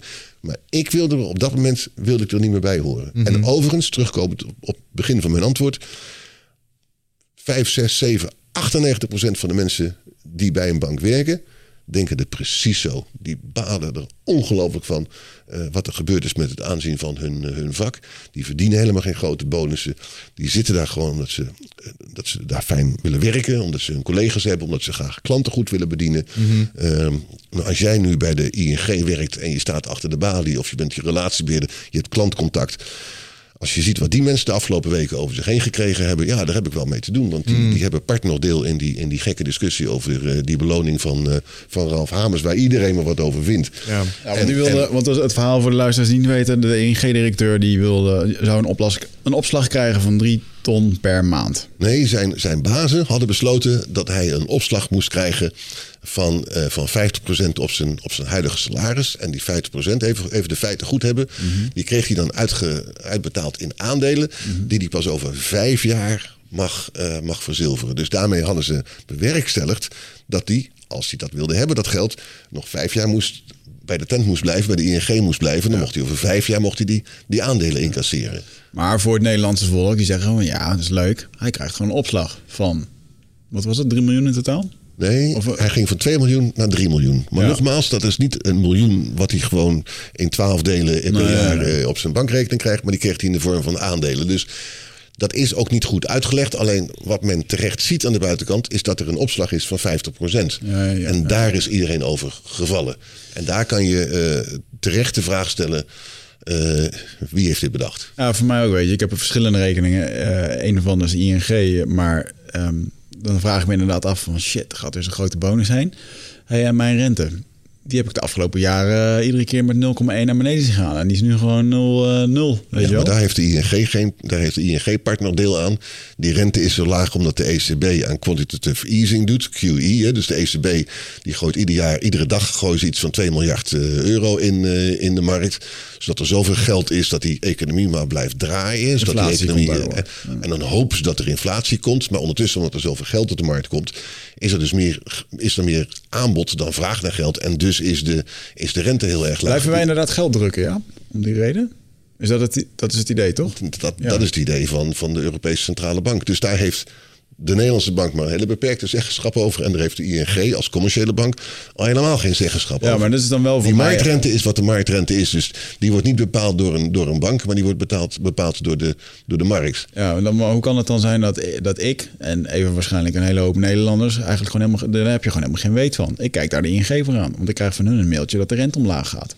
Ja. Ik heb niks met die ECB te maken. Ja, Ja, heb ik, je weet alles niet, mee. ik heb dit met economie gehad op school. Zeg maar, hoe, hoe het werkt met het, eh, eh, met het verstrekken van eh, zeg maar, geld in je, in je land. En wat dat doet met de rente en de interest rates. En wat dat weer doet met je vraag en aanbod in de markt. Ja. En ik, ik wist niet zo goed dat het... ik bedoel, ik ken het Europese speelveld daarin niet heel goed. Maar ik kan me voorstellen dat het inmiddels allemaal elkaar, met elkaar verweven is. En dat het centraal geregeld wordt. Het is, het, is een, het is de manier om de Europese economie te helpen, Mm. eh, te voor, althans te voorkomen dat de, eh, dat, de, dat de Europese economie in een slop raakt. Want als geld goedkoop is, dan kunnen bedrijven dus goedkoop geld lenen. Ja. Dan is de hoop dat ze gaan investeren. Dan kunnen mensen ook goedkoop geld lenen. En is de hoop dat ze dat gaan consumeren, waardoor er meer vraag ontstaat naar producten, waardoor bedrijven beter gaan, waardoor er meer winsten komen. Het is die redenering die, er, die erachter zit. Dus die, die marktrente wordt niet bepaald door de, door de ING. En even een ander feit: de ING is in 2017 gekozen tot de beste bank van de wereld. Doet het gewoon ongelooflijk goed. Straatlengte voor op het gebied van fintech en andere ontwikkelingen op ABN en helemaal op Rabo. En andere banken doen helemaal behalve Bunk, een hele interessante partij. Maar hè, dat, dat is echt een hele interessante partij. Eh, dat is ook nog eens een manier die jullie zouden mogen uitnodigen voor, voor een podcast. Want die, die doet echt iets, die doet echt iets nieuws met zijn, eh, met, zijn, eh, met zijn bunk. En voor de rest is ING doet het gewoon hartstikke goed. En een ander gek feit is, en dat is ook, ja, dat, dat komt dan wel over de bühne, maar dat blijkbaar blijft dat niet hangen in de emotie van de, van de mensen. En dat neem ik de mensen overigens helemaal niet kwalijk. Maar ING heeft tien jaar geleden 10 miljard steun gekregen van ons, Ja. belastingbetalers. Nou, dan mochten ze een tijd over doen om dat terug te betalen. Dat hebben ze binnen drie jaar hebben ze dat terugbetaald. En met 3,5 miljard rente. Dus wij zijn gewoon met z'n allen, hebben we in, in, in een paar jaar tijd, hebben we 3,5 miljard verdiend aan de ING. Voor de ABN hebben wij met z'n allen in 2008 26 miljard betaald. Want die gingen bijna, bijna koppen onder en die hebben we toen gered. Nou, die 26 miljard, die hebben we nog niet voor de helft terug. Maar dat zijn wel goede inside info's inderdaad. En dat zijn feiten. Maar goed, dat, het gaat ook in deze discussie niet zozeer om de feiten. Het gaat, en dat is het interessante. om de emotie. Het gaat om de emotie Ja, maar ben ik nou een, eikel als ik zeg dat ik denk dat eh 95% van de mensen die erover zeikt gewoon afgunst voelt? Hij voelt zich benadeeld. Ja, die ja, ik wil het ook en hij Ja, krijgt het en dan ga ik weer. En de 50% is exorbitant, dus daar kunnen we lekker tegenaan maar geld is, geld is emotie. En eh, het draait 90% van alles wat we overdag doen en wat we voelen, heeft vaak met geld te maken. Alles wat we kunnen doen, alles wat we, ehm, wat we zouden willen, al onze dromen, die hangen af van dat geld. En dat geld, dat, dat, dat brengen we naar een bank. Dus die bank dus het is heel nauw verbonden met ons gevoel. Geld Ja. is voor heel veel Kijk, mensen... ik neem die meneer niks kwalijk. Hij speelt het spelletje, eh, speelt hij gewoon goed. Eh, en als een organisatie naar mij toe komt en die zegt: Hey, zou je dit graag willen hebben? Want we willen eh, jou aan ons binden, zodat we nog langer de beste bank van de wereld kunnen blijven. Dan zeg ik: Sure, blijkbaar doet hij iets goed. Dus eh, hij zal het ook wel te, het zal Nou het ja, ik, zijn. trek, hem- ergens. ik trek hem nog even door. Stel dat meneer Hamers met pensioen gaat. Ik zeg nog niet eens dat hij weggaat, maar op een gegeven moment gaat ook hij met pensioen. Hmm.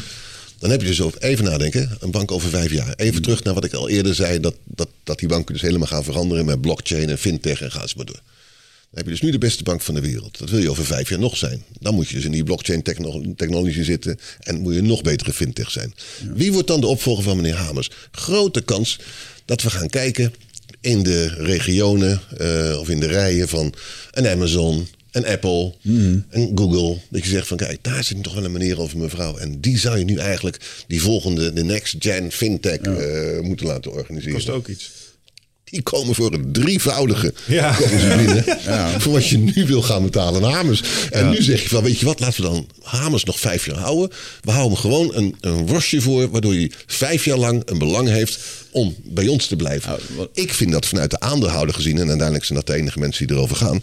eh, ik vind dat vanuit de aandeelhouder gezien, vind ik dat objectief, vind ik dat een hele goede redenering. Alleen maatschappelijk, jongens, maatschappelijk is het gewoon niet te verkopen.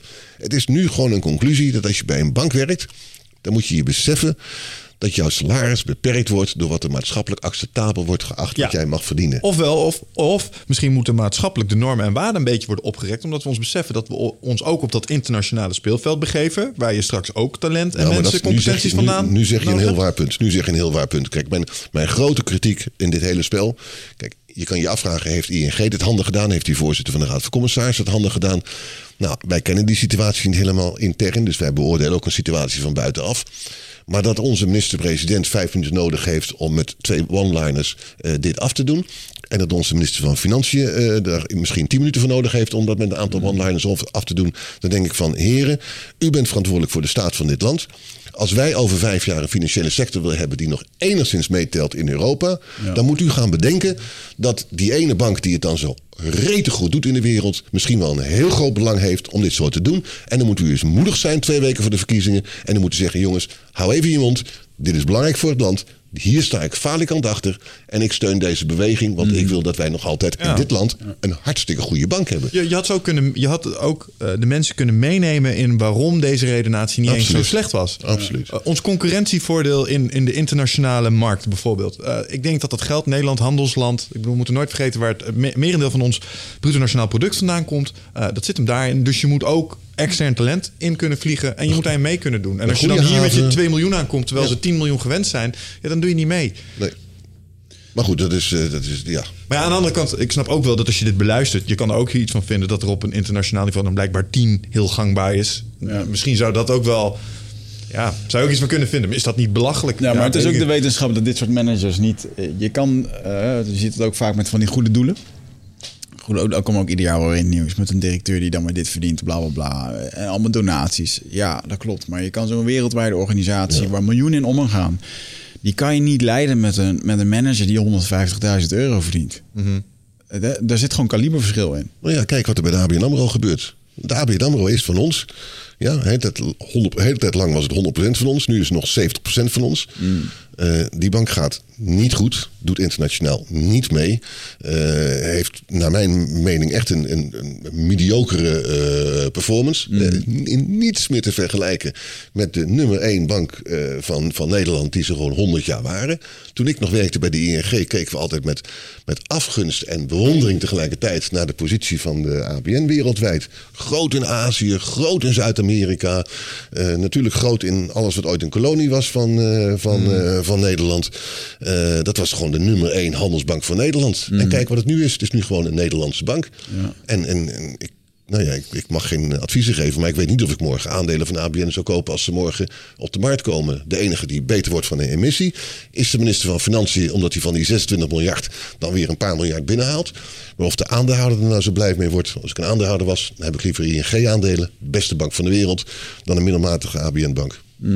Echt, en dat vind ik jammer. En Heb, heb jij nu nog, eh, werk je voor de ING of niet? Nee, nee, nee, nee, nee, nee. nee. Ik, ben, ik ben elf jaar geleden, dus nou, tien jaar geleden ben ik, eh, ben ik, eh, ben ik weggegaan. En ik spreek ze nog wel veel. Want ik, ik, als je nou één ding hebt wat je mist als je weggaat bij zo'n, bij zo'n groot bedrijf. je mist gewoon je collega's. Ja. Je mist gewoon het collegiale contact. Eh, je mist het kunnen vragen aan elkaar hoe, hoe iets zit. Als je een vraag had, eh, dan had je binnen eh, no time had je van een specialist had je een, eh, had je een antwoord. Mis je dat nog steeds? Ja. Oké, nou hebben we wat leuks voor je. Gaan we straks even vertellen. Ja, nee, het is echt een. het is, en je mist ook, de, je mist ook de, de sociale programma, de sociale cohesie. Ik bedoel, weet je, ik, als, ik ben dan wel een voetballiefhebber, maar ik, ik wil dan vanmorgen wel even kunnen kletsen eigenlijk over de 3-0 tegen Portugal gisteren. En de glansrol van, Ja, ja, ja, ja, van, van ja. Matthijs de Ligt. Nou, dat, dat zijn de gezellige dingen die je dan op je werk, eh, die je op je werk doet. Dus dat, eh, ja, dat mis ik wel van de ING. Eh, want ik heb daar een hele, hele gezellige, gezellige periode gehad. Ja, Maar ik- ook- ik- maar wa- wa- zo- zo- nog een klein stukje closure, want we zijn hier ooit gekomen. Hè, want het beantwoord, de, de originele vraag was: had de bankwereld de cutthroat mentaliteit die die lijkt te hebben? Eh, Volgens mij is het antwoord dat valt volgens mij best wel mee, tenzij je echt op het niveau komt waar het om de knikkers gaat, zeg maar, op het topniveau. En we hadden het ook nog even over eh, met Johan Cruijff en het feit dat jij dus eh, daar zelfs geïntimideerd was, omdat de financiële belangen heel groot waren. En de vraag was destijds, had de bank je voorbereid op die dynamiek? En ik geloof dat het antwoord daarop is. Nee, want uiteindelijk, Nee. is, de, uiteindelijk is, de, is, is de bankwereld ook met alles wat ze doen. Het zijn toch allemaal hele nette. Eh, het gaat wel allemaal binnen de regels van de wet, laat ik het zo zeggen. Mhm. Ja, en, en in de voetbalwereld, ja, dat is wel. Ik ben niet de eerste die dat zegt, maar dat is echt een jungle. Ja, en daar, daar, gelden gewoon andere, daar gelden gewoon andere wetten. Ja, wij komen een beetje uit de vechtsport. En ik denk dat dat wel een beetje op elkaar lijkt misschien.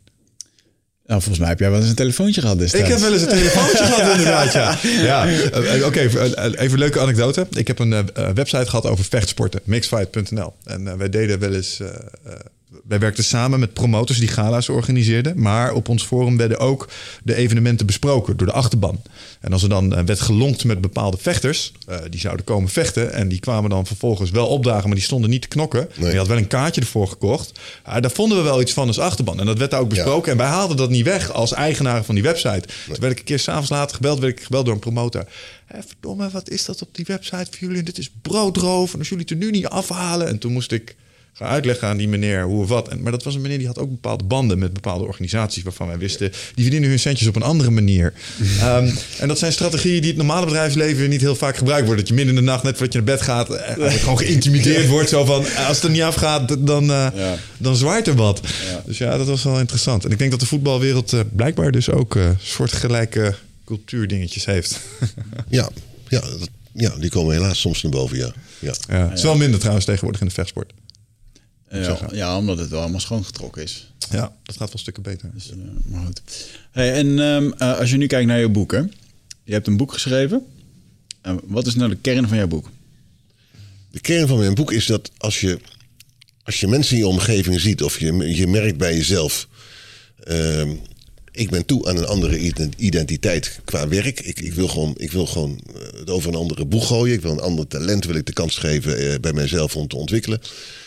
Ehm, mag ik het verhaal horen van lotgenoten? Nou, deel 1 van mijn boek is een, is een lotgenotenverhaal. Dus met heel veel mensen die een kopje koffie met mij willen drinken over dit boek, zeg ik van nou, we gaan geen kopje koffie drinken. We gaan een stukje wandelen. En dan gaan we wandelen ergens in een bos naar hun keuze. En dan gaan wij gewoon verhalen uitwisselen. Storytelling. Vertel nou eens, wat, wat is jou overkomen? Wat, wat was toen jouw overweging? Wat is, je over, wat is toen gebeurd? En, hoe is het allemaal gegaan? En, nou, dat is één. In deel 2 heb ik gezegd van nou, ik wil eens een aantal kernvragen behandelen. En dat zijn eigenlijk de, de issues die je zou moeten willen bespreken met iemand die je ziet dat, dat, dat, dat als die worstelt uh, met, met, die, uh, met die kriebel, met die, uh, met, die, met die vraag. En dat is dus een vraag die gaat over geld. Maar het is ook een vraag die gaat over wat denk je dat de marktwaarde is van die andere talenten van jou? Hoe denk je daar geld mee te gaan verdienen? Wat Kun je ons daar eens even iets in meenemen? Dat is iets waar we, waar we mensen ook wel eens mee proberen te helpen. Maar het nou ja, blijft een moeilijk onderwerp. Het is een ontzettend moeilijk onderwerp. Want uh, nou, dan loop ik hier straks weg en dan zeggen jullie: Goh, Rutger, je bent adviseur en je bent commissaris bij bedrijven. Zou je ons willen, misschien willen adviseren? Want we hebben een, een strategie en zou je daar uh, zou je die een beetje tegen het licht aan willen houden? En uh, mogen we daar een keer met jou over praten? Et cetera, et cetera. Het zou zomaar kunnen dat het conclusie is van dit gesprek. Dan kom, ga ik naar huis en dan denk ik van ja, dan moet ik de jongens een brief schrijven. En dan zeg ik van nou, dat wil ik wel voor je doen. En dan komt het hele moeilijke. Dat deed vroeger altijd mijn baas voor me. Die had eigenlijk bepaald hoe duur ik was. Ik moet er een prijs aan koppelen. Ja. Dus ik moet aan jullie zeggen, ja, dat kost je zoveel. Ja, wat kost dat dan? Ja. ja en dat is, mijn, dat is mijn marktwaarde die ik moet, uh, die ik, die ik moet, uh, die ik moet bepalen. En dat is voor heel veel mensen is dat een, uh, is dat een hele lastige. Van, kan ik dat vragen? Durf ik dat te vragen? word ik Zou je ervoor willen geven? Word ik dan niet? Ja, dat zeg je dan. Verschrikkelijke vraag, jongens. Ja, ja, ja, Steken mensen in je eigen hart als je dat weet je wel. Ja. Dat doe je bij ze figuurlijk. In de zin van als je, het, je geeft de macht uit handen. Ja. Wat, wat, vind, je, wat vind jij dan waar? Jij laatst coach ik ook iemand. Wat doe je dan? Hij zei, ja, ik uh, doe dan nu al coaching, bla bla bla. En, uh, maar ja, dan geven ze gewoon wat ze willen. Ja. Nou, dan trek je dus ook alleen maar personen die dat, die dat ja. willen. Terwijl jij moet bepalen voor jezelf, nou, dit is wat ik ervoor wil hebben. En als er mensen zijn die dat niet willen hebben, nou, dan is dat prima. En dan weet ik dat liever vroeg in het proces dan dat ik dat laat in het proces weet. Ja. Want dat heb je ook heel vaak. En nou, daar hebben we het later al over. Ja, ja, we gaan eerst fijn met elkaar aan de slag. En als het wat wordt, dan gaan we samen, gaan we samen delen. En dan stop jij dus heel veel energie erin. Ja, dat, dat noem ik een bekende verlul van nul. Hè? Echt dat je weer je energie eraan gegeven hebt. Uh, en dat jij uiteindelijk er niks voor, uh, er niks voor krijgt. Nou, daar kan ik, daar kan ik een aantal voorbeelden van, uh, van en anekdotes overigens van noemen. Oh, de les die ik daar nog te leren heb, dat laatst weer. Uh, weet je wel, dan ga je met uh, mensen fanatiek gaan gesprek en dan heb je er twee of drie coachings voor zitten. En dan denk je, ah, daar komt wel een traject uit, weet je wel. En dan blijkt achteraf, ah, we gaan het toch niet doen. Ja. Een langer traject met elkaar. En denk je, zie je nou wel? En dan zeg jij, je had gewoon die drie uur, had je gewoon moeten rekenen. En dan zeg je, nee, dat komt wel. Nee, dat had je ja. gewoon moeten doen, weet je wel? Ja, ja. Oh, dat had ik gewoon moeten doen. Ja, ja dus ja, dat klopt. Ja. Dus ik, ik, ik hang soms ook heel erg tegen dat, uh, tegen dat, uh, tegen dat punt aan. En denk van, ja, wat zal ik nou? Wat zal ik nou vragen? En ik heb voor mezelf nu wel een tarievenlijstje in mijn hoofd. Ik denk, ja, als mensen me dat, dat vragen, dan wil ik er gewoon dat voor hebben. Ja. Uh, en als mensen dat niet willen betalen, dan hebben ze mij of te laag zitten, uh, of, of wij matchen niet. Mm. Uh, ja, je kan je tijd dan, ook maar één keer uitgeven. En dan kan je je tijd maar één keer besteden. Andere vragen zijn vragen die, in, die ik in mijn boek behandel, zijn vragen die heel erg met de persoon te maken hebben. bijvoorbeeld, we hebben het al genoemd, energie. Ja. Hoeveel energie heb je? Dat is echt heel erg bepalend voor je succes Mhm. mm -hmm. en voor je overlevings kracht. Fysieke energie bedoel je, en mentale Absoluut, energie. Ja. beide. Mm. En, en uh, er zijn mensen en die hebben aan vijf, zes uur per nacht hebben ze voldoende om de volgende ochtend fighting fit te zijn. Mhm. Mm -hmm. En er zijn er ook bij die hebben gewoon keihard negen uur nodig. Uh, maar dit heeft ook te maken met de vraag: wat zijn je eetgewoontes? Wat zijn je drinkgewoontes? Hoe leef je? Mhm. Mm -hmm. Sta je sterk in je lijf? Uh, want we hoeven elkaar niet uit te leggen dat als je sterk in je lijf staat, dan is de kans groter dat je ook sterk in je geest uh, oh, ja. staat. He, als ik een weekje tegen de griep aanhang, uh, of ik heb een, uh, ik heb een ontsteking in, uh, in, in, mijn kies. En ik heb op dat moment een tegenslag. Dan komt die tegenslag drie keer zo hard binnen. Mm. Ja, dan moet ik echt mezelf weer eventjes... dan zit je onder je bureau met een prullenbak over je hoofd te zuigen op je duim. ja. ik wou dat het volgende week was. Oh, als wij mannen griep zijn, ik ben ook zo jongen. Ik ga dood. Ik ben zielig. Ik ben de ergste patiënt ter wereld op dat moment. Niemand heeft het erger dan ik. nou, en de vraag is ook voor... Is er, is er iemand voor wie je moet zorgen? Praat je over jezelf of heb je ook nog mensen in je omgeving voor wie je moet zorgen? Hm. Een kind, een gezin. Heb je misschien nog een vader of een moeder. Dat, maakt, dat zijn echt dingen die, die iets uitmaken voor je. eh, van ja, wat kan je je veroorloven en, en, en wat, zou je, wat zou je het willen? Ehm, als, ik, als ik zeg, wat zou je het liefste willen? Dat is ook een hele belangrijke vraag die ik behandel in het boek. Wat zijn nou eigenlijk je drijfveren? Wat wil jij nu eigenlijk doen? Wat wil je eigenlijk nalaten? Wie wil jij zijn? En wij bewonderen altijd eh, Nelson Mandela en Gandhi en Martin Luther King. Eh, dat soort mensen bewonderen wij. En waarom? Omdat het eigenlijk gewoon hele eigenwijze mensen waren. Ja. Omdat ze gewoon... Mandela zei gewoon van jongens, ik heb geen politiek compromis nodig over de apartheid. Iedere politicus had gezegd van, weet je wat, we maken een tienjarenplan... en dan bouwen we die apartheid in tien jaar gewoon keurig naar nul af. En Mandela zei, het is zwart of het is wit. Het is alles, het is, het is, het is, niks. One man, one vote. That's my principle and I stick to it. Heeft hij 26 jaar gedaan. Nou ja, eh, wel iets meer in zijn leven gedaan, maar hij heeft het wel voor elkaar gekregen. Ja. Martin, je- Luther, Martin ja. Luther King had 40 jaar nodig toen, toen, toen zijn I Have a Dream uitmondde in een, in een zwarte president op het bordes van, eh, eh, eh, van de White House. Ja. en Gandhi heeft gewoon zijn pak uitgetrokken, heeft zijn originele Indiaanse kostuum aangetrokken en is gewoon gaan marcheren. Heeft een miljard mensen achter zich gekregen. Was niet te stoppen in zijn eigen wijsheid van de geweldloze opstand. Be the change you want to see in the world. Ja. Dus en dat kunnen wij allemaal dus zijn. Hè? Ik bedoel, als, wij zijn allemaal een kleine Gandhi of Mandela in onszelf. En, en dat is wat Johan Cruijff mij een keer vertelde. Kan ik hier een geweldige aanvaring met hem in onze, in, in onze vele gesprekken. Een van onze vele gesprekken. En toen zei ik, wat ben jij toch rete eigenwijs? Waarop hij zei, ik ben helemaal niet eigenwijs. Het geen bewijs be- bewees wat ik net had gezegd.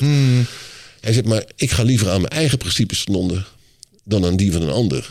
Dat heb ik ook op de achterkant van mijn boek gezet. En toen reed ik, weken later reed ik, reed ik, reed ik over de A2 voorbij Breukelen, daar waar je 100 mag rijden. Dus dan ga je toch over andere dingen nadenken. En ik dacht, oh, wacht eens even. Nu begrijp ik wat jij bedoelt. Jij zegt eigenlijk tegen mij van, Rut, maak jij nou eens een lijstje van je eigen principes en ga daarna leven. En daarom zei ik het ook net in, in, in die aankondiging van, van Wees overtuigd van je eigen principes. Jij bent jij.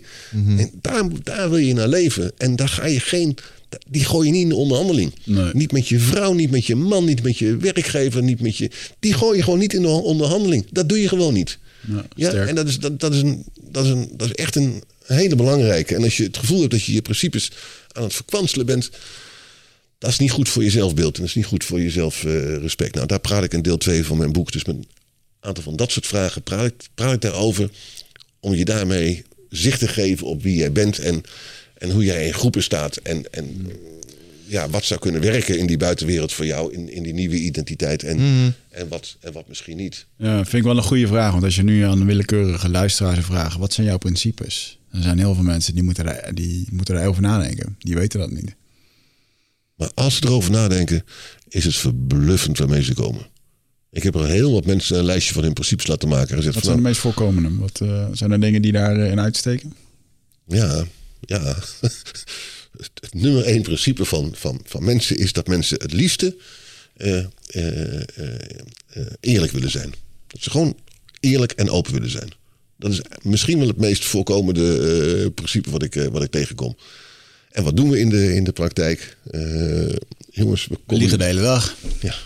Ja. Ik geloof dat ik zag laatst nog een TED, eh, een TED talk van een dame die zei dat er geloof ik eh, in een uur tijd twintig keer gelogen wordt. Ja, joh. Wij noemen dat op het werk altijd spindokteren. Even een, eh, een, een, een net onderbouwde uitleg geven waarom het Ja. niet, niet is wat je hoopt. Maar het moet wel op zo'n manier worden verpakt dat, dat het er makkelijk ingaat aan de overkant. Sociaal maar ja, maar da- daar- daarbij kost je wel heel zorgvuldig welke stukjes van de informatie wel niet deelde, zeg maar. Ja. Eh, en dan denk je, waarom kan ik gewoon niet zeggen dat het niet gelukt is? Weet je wel? Eh, het was moeilijk en het, eh, het kwam gewoon niet lekker uit de vingers Ja. deze week. Dat zou ik willen zeggen. Maar in plaats daarvan moet ik heel veel moeite doen om dat in allerlei dure woorden te gaan verpakken. we roepen tien keer in de zin transparantie en we proberen alles te bedekken. We roepen tien keer in de zin de klant, Oh, eh, de klant centraal en we doen er alles aan om, om, om de klant niet centraal eh, te heel hebben. Dus interessant. Ja, Dus dat- dan- dat is nummer één. Is dat het na-effect van de grote gorilla die ons een draai om onze oren geeft als we iets niet goed doen als klein aapje in het troep? Of niet? Ik denk dat, dat ehm, laten zien... Nee, omdat je bang bent dat je incompetent overkomt. Als je open bent. Ik denk dat dat het is. Dat is mijn zorg altijd geweest. Als ik nu volledig alles op tafel leg... dan En komen we over als een incompetente club... en dan raken ze het vertrouwen in ons kwijt. Ja, en wat gebeurt er dan? Ehm, dan halen ze de opdrachten weg. Dat is je angst. En als je de opdrachten weghalen, dan, eh, Ja. dan werkt het niet meer. Ja. Eh, en daarom ga je je uiterste best doen om, om de fuck-ups die je hebt gemaakt... want het is een weerbarstig proces wat je doet... eh, een beetje te verbloemen en mooier te verwoorden. Dat is een beetje de valkuil waar je... eh, vooral aan het begin waar ik ben ingestapt. Met, met name toen ik verder kwam in die carrière... en ik werd meer van... hé, maar Ja. het is gewoon lastig en dit gaat gewoon missen. Het zal- We gaan deadlines missen. Dat mensen ineens ook heel anders met je omgaan. Zodra je er eerlijk over wordt, eh, loont het ook weer, merk Ja. ik. Nou ja, en het probleem van een, van een systeem waar je in zit, en, en, en, werk is een systeem waar je in zit, is dat het toch een, een strijd is tussen het systeem en, en jou. En als jij dus een hele talentvolle manager bent, eh, maar er zitten wat scherpe kantjes aan jou, volgens het systeem, nou jongen, dan gooien ze er een bak coaching tegenaan, om er maar een beetje af te veilen. ja? En dat heet dan, ja, dat heet dan management-identificatie. Dus dat je je gaat identificeren met, eh, met, met het boven jou gestelde management. En, eh, Kader. Het persoonlijk ontwikkelingsplan. Plat, plat gezegd, dat je je gaat gedragen zoals zij willen dat je je gaat gedragen. Conformeer, conformeer. Ja. Ja, nou ja, dat, dat is natuurlijk toch het, eh, het, het, eeuwige, het, eeuwige, het eeuwige dilemma. Ja. Een van de vragen die ik ook echt behandel is in, in, in, in mijn boek, is eh, de vraag van ja, hoe, in hoeverre kan je je verbinden met een ander? In hoeverre kan jij iets doen voor een ander? En dat is voor mij echt de, de, de nou ja, ik noem het het grote geheim, ik noem het echt de, de, de, het geheim van de smid. In hoeverre kan jij je verbinden met een ander op een, wat ik zeg, niet transactionele manier? Dus ik doe iets voor jou zonder dat ik bij mezelf denk, dat zou mij nog wel eens goed kunnen uitkomen. Oeh, ik heb dat ook. ik wel, eh, ja, in, mijn, in mijn boek heb ik daar ook een. eh, ik ben nu een boek aan het schrijven. eh, daar heb ik daar ook een hoofdstuk over. Eh, er zit heel veel voorwaardelijkheid in alles. Ongelooflijk. Dus heel vaak hoor je nog wel eens van ja, maar ik heb hem altijd geholpen en dan krijg je dit. Nee, het zou eigenlijk zo moeten zijn. Je hebt hem toen geholpen. eh, met alle, met alle goedheid die je daarin had. En je hielp hem op dat moment. En je hebt daar zelf een verwachting bij teruggeschept. Dat er ooit een keertje wat terug zou komen of wat dan ook. Ja, maar dit is op een eh, verstandelijk, eh, zeg maar, sociaal wenselijk niveau allemaal heel mooi om te zeggen. Maar daar zit wel iets onder. Want dat is de wet der wederkeerigheid. Jos Burgers schrijft daar ook over. En als je daar wat verder in gaat kijken, reciprociteit, zeg maar, is eigenlijk gewoon classic game theory. Maar wat je ziet in, in transacties is dat mensen eigenlijk niet meer, jij en ik gaan spelletjes met elkaar aan. Eh, In de toekomst, een aantal uitwisselingen, zeg maar. Ik zeg dat ik dit doe en daar geven wij elkaar centjes voor terug. En eh, het spelletje is dan op een gegeven moment dat je, eh, je- moet wel geven wa- wat je belooft. En als je dat niet doet, dan moeten daar consequenties tegenover staan. Ja, maar daar heb, je, daar heb je wat anders. Dan wordt het in één keer beloofd. Maar als ik gewoon mijn hulp aanbied aan jou... joh Mick, ik ga je nu hiermee helpen... En in mijn achterhoofd, ik communiceer niet tegen jou dat daar een... Want ik creëer hier, oh, dan heb ik nu mooi iets voor in de toekomst. Maar dat is het punt wat ik probeer te maken. Jij bent gemaakt om die spelletjes te spelen. Dus er zitten bepaalde eh systeempjes in jou en die houden een soort emotionele bankrekening mee. Da- Daar kun jij niks aan doen. Als jij iets doet voor iemand, snap je? Dan, dan staat er een soort van rekeningetje open. Eh, en als iemand iets voor jou doet, komt er een rekeningetje bij hem open te staan. En, en jij bent zo geprogrammeerd dat je dat bijhoudt. Ja, maar dat is, je, dat is dus En je mijn huiswerk. stelling, en mijn, niet- en mijn stelling in, in, in, in mijn boek is dat dat exact de houding is die je ongelooflijk eh, tegen gaat zitten eh, en tegen gaat werken als je, als ik zeg, eh, als je buiten komt. Oh want, ja. want, waarom, want waarom help je iemand? Omdat jij vanuit je hart, vanuit je gevoel, vanuit je persoon, die persoon graag wil, wil helpen. Ik had vroeger een collega eh, bij Nationaal Nederland was geloof ik, en die zei: Rutger, er zijn twee soorten mensen. Er zijn mensen bij wie je kan onderduiken, en er zijn mensen die, bij wie je niet kan onderduiken. En zo moet je kijken naar, naar de mensen om je heen. Dat je denkt van nou, wie kan ik vertrouwen en wie kan ik, wie kan ik niet vertrouwen.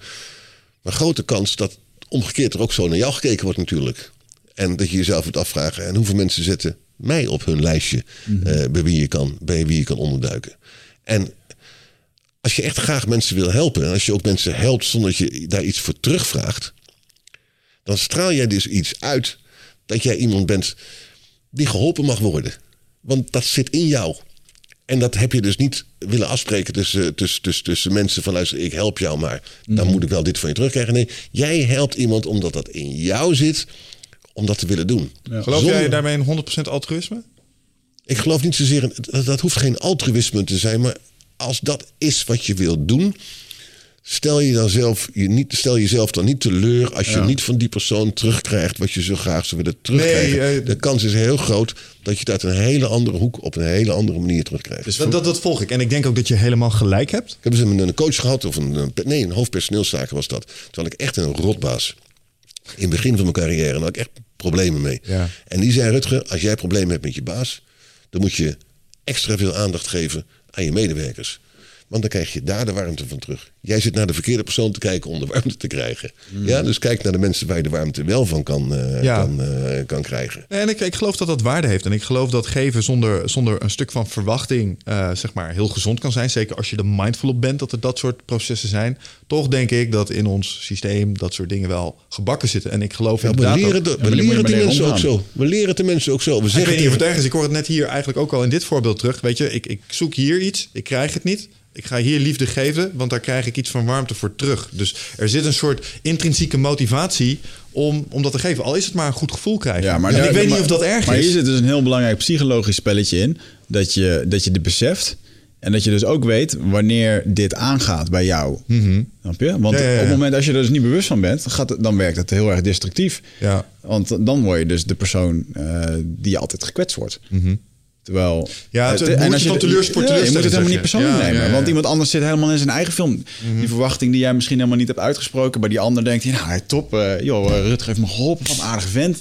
Leuk. Ja. En die gaat naar huis en die is geholpen. Die is blij. En als er dan iemand thuis ligt te koken van... oh, ik heb toen dit en dat gedaan. dat, dat is echt... daar krijg je kanker van, van dat soort dingen. Ja, dat geloof ik echt. Ja. ja. Ja, nee, en, en ook op die manier eh, denk ik dat het, ehm, als je in dat soort termen zou willen spreken, het universum beloont, denk ik ook wel. Want als jij een positieve vibe meegeeft aan Wigert, Wigert neemt het mee in die, en die hebben het uiteindelijk weer eens een keer over jou, het maar zo uit een hele andere hoek, kan er weer iets positiefs jouw kant op komen. Zonder dat je dat verwacht of initieel je behoefte was. Ja, en ik, ik maak één heel hard punt in dit boek.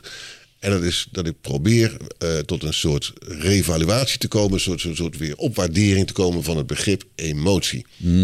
Eh, ik heb ooit een keer een, eh, een, een, een mevrouw gehad en die, die heeft mij uitgelegd dat, dat emoties eigenlijk je, je grootste bron van kracht zijn. En toen hadden we een cliënt, een grote cliënt, en er was echt iets heel serieus fout gegaan. Eh, er, was een, er was een salarisbetaling niet uitgevoerd in zijn bedrijf. Nou, dan heeft zo'n zo'n baas heeft echt een probleem. En dus die man, die, nou, die, die was laaiend.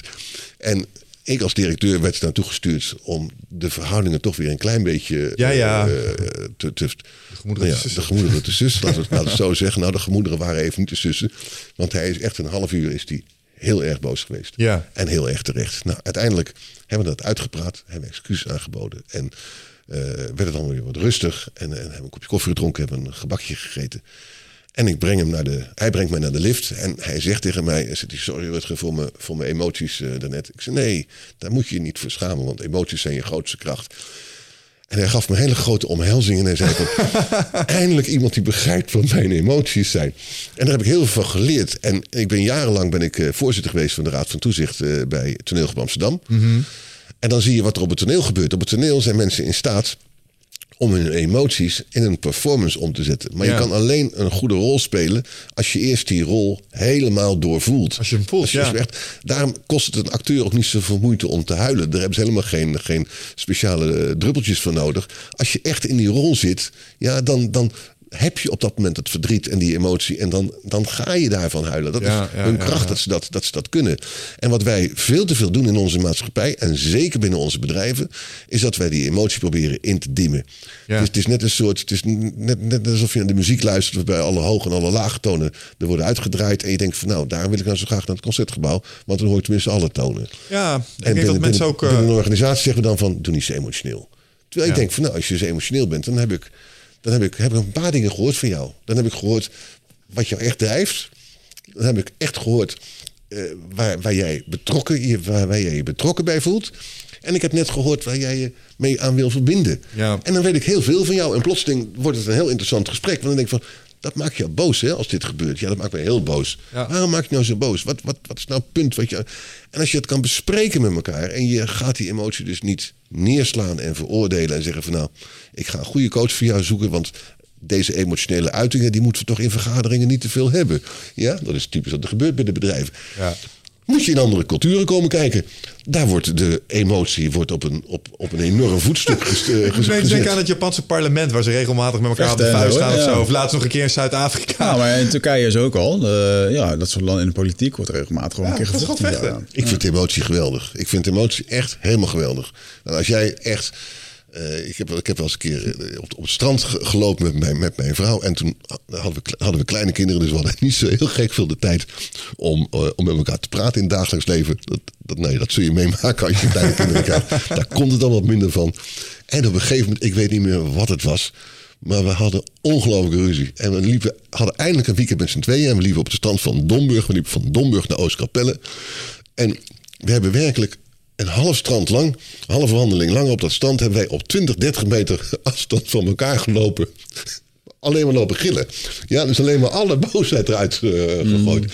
En daar hebben we zo om gehuild en later zo ongelooflijk om gelachen... toen wij aankwamen in Oostkapelle, dat alles eruit was.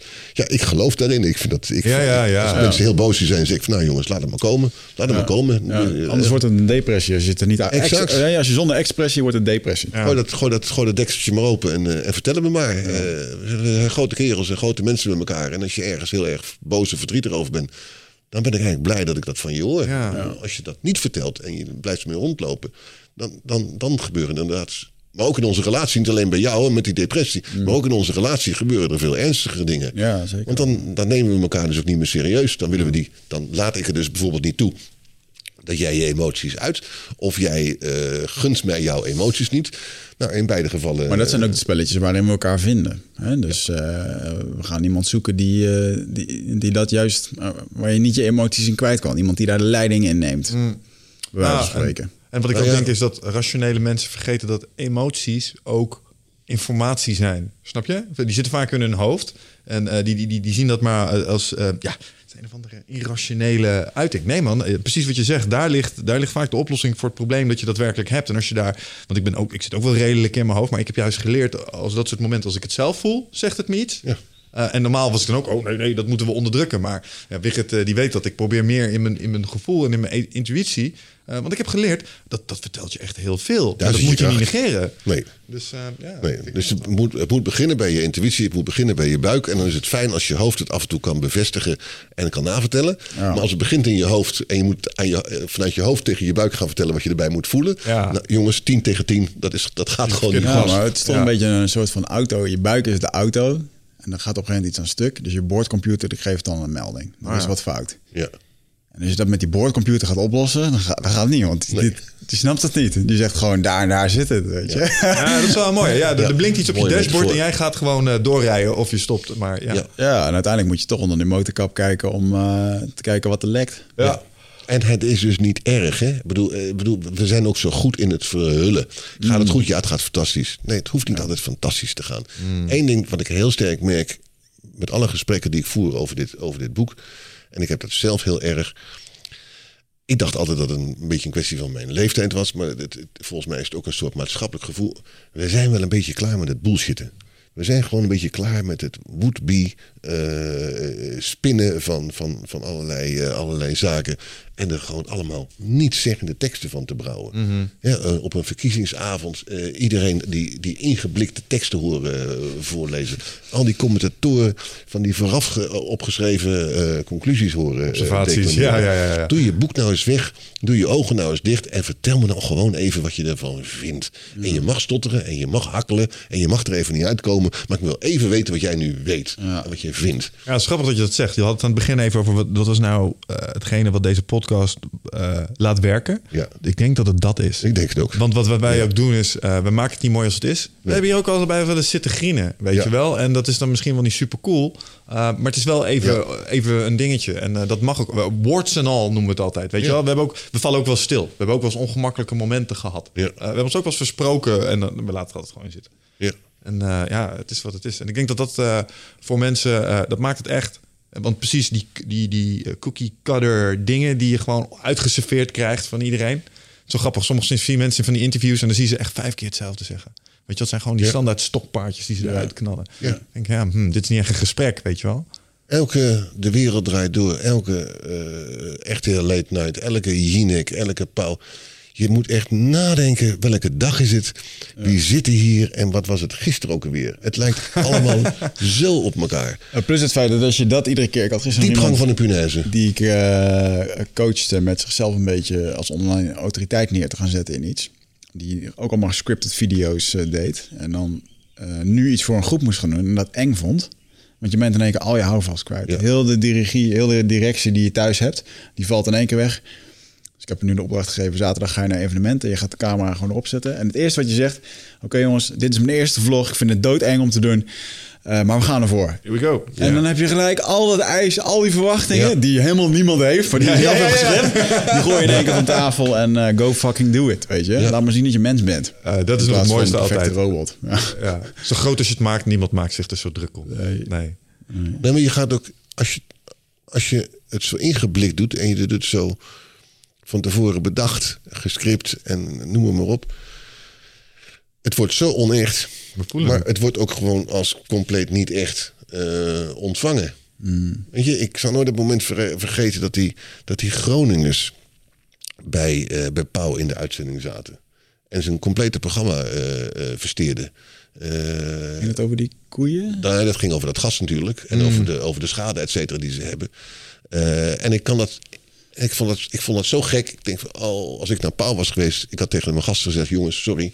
ik- Help me even wat hier is gebeurd. Ik zit te denken aan een uitzending waar twee hele eh, echte boeren in de uitzending waren. En die hadden hele grappige opmerkingen. Maar dat is het volgens mij niet. nee, Wat- het ging over een uitzending waarin een heel aantal eh, Groningers kwamen protesteren tegen het feit dat het zo lang duurde eh, dat hun schade werd, werd vergoed eh, vanwege, de, vanwege de, de gaswinning. En die mensen in Groningen zijn echt heel erg boos. Ja. En niet een paar, heel veel mensen zijn heel boos. Terecht, niet terecht, doet er allemaal niet toe. Er is daar een, zijn daar twee, drie provincies met z'n allen heel erg boos. En dan, dan rijden die mensen, ik zie het helemaal voor me, die rijden een soort kolonne rijden die naar, eh, naar Amsterdam. En die gaan nu op de nationale televisie, gaan ze daar stennis over maken. En dan zit daar een meneer van de nationale televisie en die heeft daar tien minuten voor. En na tien minuten wil hij over naar eh, de politieke commentator van Den Haag vandaag. Wat hij allemaal heeft meegemaakt vandaag eh, in, eh, in Den Haag. en ik denk van ja jongens, maar als je nou echt een programma maakt. Dan zeg je tegen iedereen aan tafel, sorry. Morgen gaan we weer opnieuw proberen. Maar we moeten nu even verder met deze mensen die hier zitten.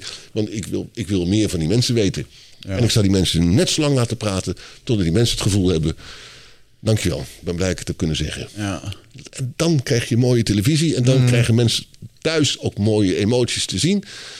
En door je mond te houden en alleen de mensen de gelegenheid te geven om die emoties dus te uiten. Ja, dan ben je een hele grote presentator. dan heb je het echt heel erg goed, eh, goed gedaan. Ja. Nou ja, dat, dat, dat mis ik enorm. Dat mis ik enorm. Ja. Mooi man. Ja, maar we krijgen ook, of tenminste, ik word gecoacht door, de, eh, door een directeur van RTL. En daar hebben we ook een keer een podcast mee opgenomen. En die zei ook veel wat je vroeger in een uur kon laten zien, dat is nu in 10 minuten gepropt. Ja. Mensen willen gewoon eh, in 10 minuten willen ze het zien. Ja. Je, instant gratification. En, eh, dus de, eh, laatst op een evenement kwamen twee ouders nog naar ons toe. En ik Ja, zei helemaal ja, tof. Als jullie cool. nu luisteren, echt het meest waanzinnige compliment dat we daar hebben gehad. eh, was dat ze zeiden van jongens, jullie krijgen het voor elkaar dat mijn zoon en mijn dochter twee uur lang naar jullie luisteren. Iedere week. Hij zegt met de aandachtspannen die mijn kinderen hebben. Groot respect. dus het eh, mooiste. eh, ja, goed, goed om te horen. Nou ja, het, is, het, is, het is dat punt, maar het is dus ook het punt eh, wat ik heel erg in mijn boek maak. Van dat punt van die verbinding, hè, van die emotie, van die emotie naar betrokkenheid naar verbinding. Ehm, eh, dat is ook echt een principe wat mensen heel veel hebben. Het doet mensen ongelooflijk goed om andere mensen gelukkig te zien. Er is geen grotere eh, bron van geluk dan een ander iemand gelukkig te zien. Ja. Daar gaan we van huilen. Ja, als we mensen weer bij elkaar eh, zien komen op televisie nadat ze elkaar 30 jaar uit het oog hebben verloren. eh, of als mensen succes hebben eh, bij, bij, bij Ik Vertrek. Dat raakt ons emotioneel. Ja. En wat ik in mijn boek heel erg ster- ster- sterk heb, is van. Verbind je dan ook met een ander. Als jij een vriend of een vriendin of iemand in je omgeving hebt die, die hiermee worstelt, of als je er zelf mee worstelt, zoek de verbinding op. En, en vertel het gewoon. Be- bespreek het gewoon. En, en, en, en je zult zien dat mensen je willen gaan helpen. Oké, dan heb ik één vraag. Want ik heb iemand in mijn hoofd. En daar heb ik laatst een uitgebreid gesprek mee eh, hierover gehad. Tot eh, groot vermaak van mijn vriendenkring die ernaar zat te luisteren. Want de beste man was eh, mild nihilistisch geworden. Zo, het maakt allemaal toch geen reet meer uit. En het is allemaal, weet je wel, alsof Ja.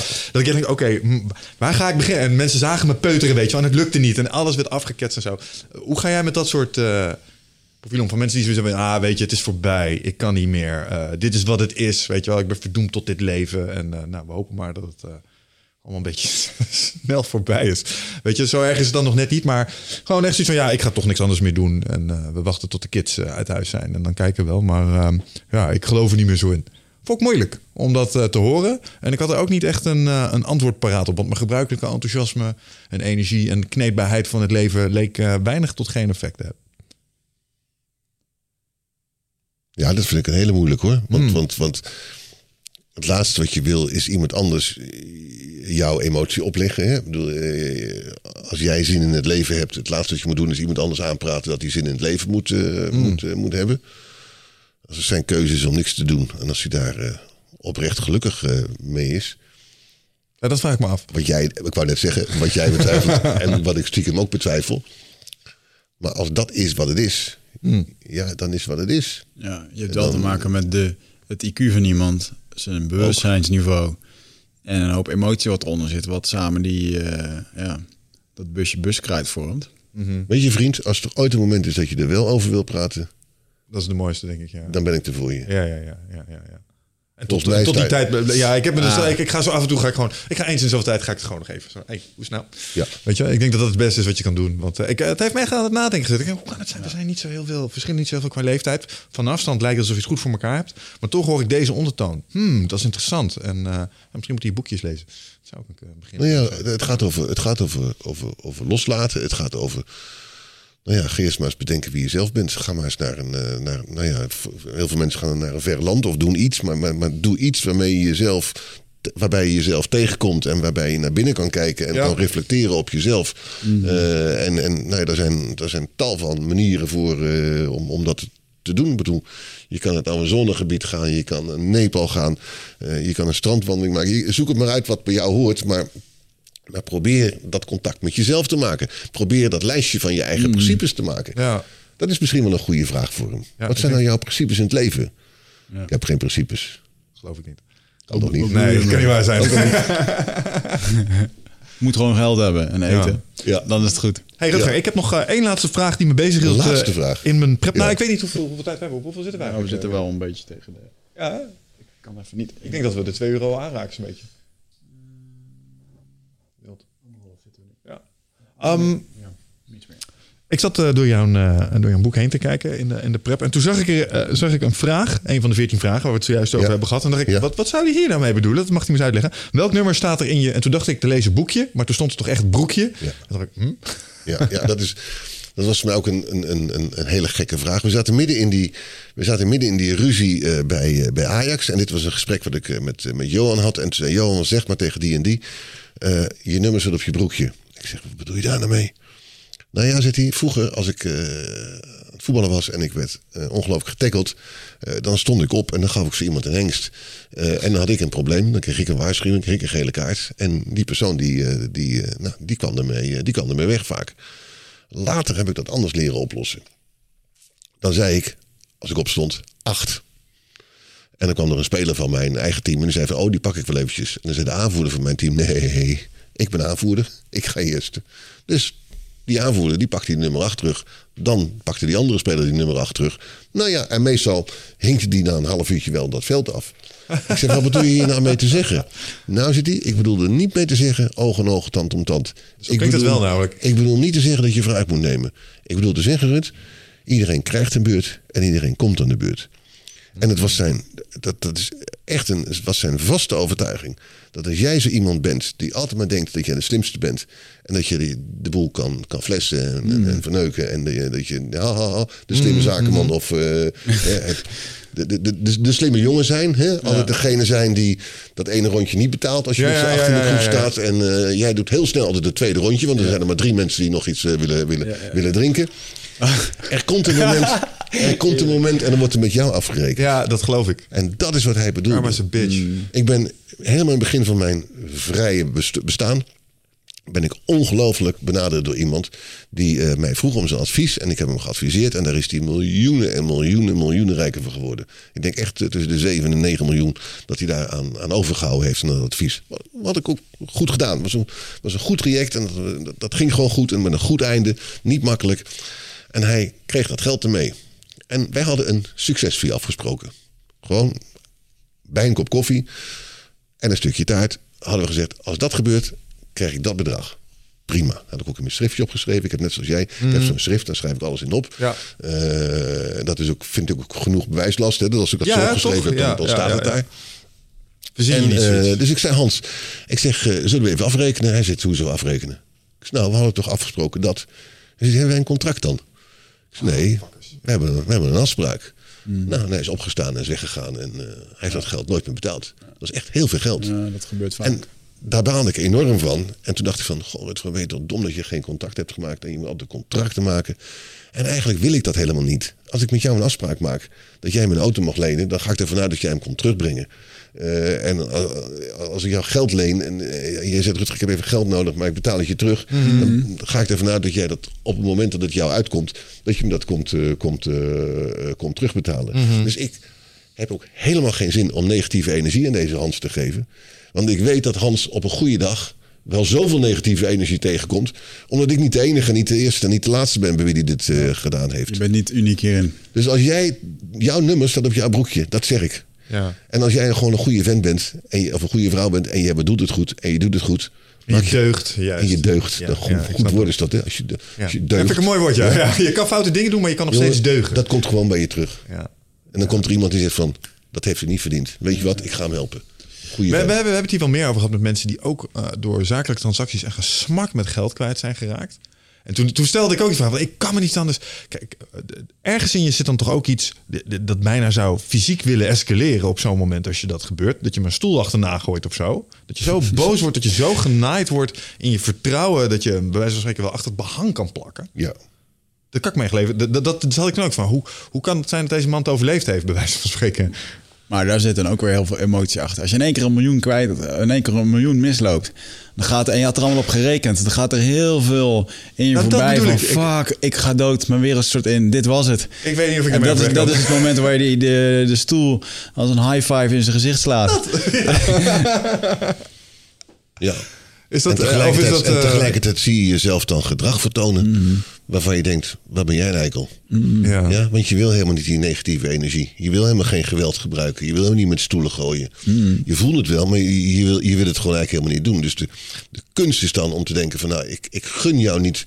Ik gun jou niet die negativiteit Ja, en, ik, en ik gun jou niet die, eh, die, eh, die boosheid. Het komt wel. Dat is wel het meest wel. wijze antwoord. Maar nee, dat lijkt me lastig. Ja, maar weet je, je, je- de kern is met wat je doet, dat die, die energie is, is cruciaal. Hè? Dat hadden we al eerder besproken. Maar het meest cruciale van die energie is dat je hem alleen maar positief moet gebruiken. Dus als jij, als, als, als, als jij mij gewoon helemaal niet ziet zitten, dan, dan, moet je ook geen, dan moet je ook helemaal geen energie aan mij besteden. Nee. Dus wat ik wil zeggen is, je gelooft niet in represailles. Nee. Die komen weer bij jou terug. Die komen weer bij jou terug. Moet je helemaal niet Ik doen. denk ook dat het eh, onontkomelijk is dat zoiets een keer gaat gebeuren. Want we, ondanks dat we, hè, we hebben het straks al gehad over verwachtingen. Het kan altijd zo zijn dat we er alle twee anders over denken. En eh, dat we daar een eigen verhaaltje van maken. En eh, ja, ik heb ook wel eens dat dingen wat gebeuren. Maar waarom- met jou heb ik ook wel eens dingen dat ik denk van, ja, waarom, waarom doet hij dat dan niet? Weet je? Dus het gebeurt gewoon. En als je, je daar, pitch. als je daar gevoelig als je daar gevoelig voor bent, dan eh, heb je een lang leven te gaan. Ja, mooi. Het leuk gesprek. Ja. Ik eh, vind het nog wel even leuk om nog één eh, klassiek, klassiek moment met jou en Johan Cruijff te bespreken. Dat is toch een eh, groot boegbeeld voor heel veel eh, van onze luisteraars. Is er een moment geweest dat je hier nog zou willen delen, waarvan je dacht van, dit is, je hebt al heel veel waardevolle genoemd. Nou, ik, ik, ik heb.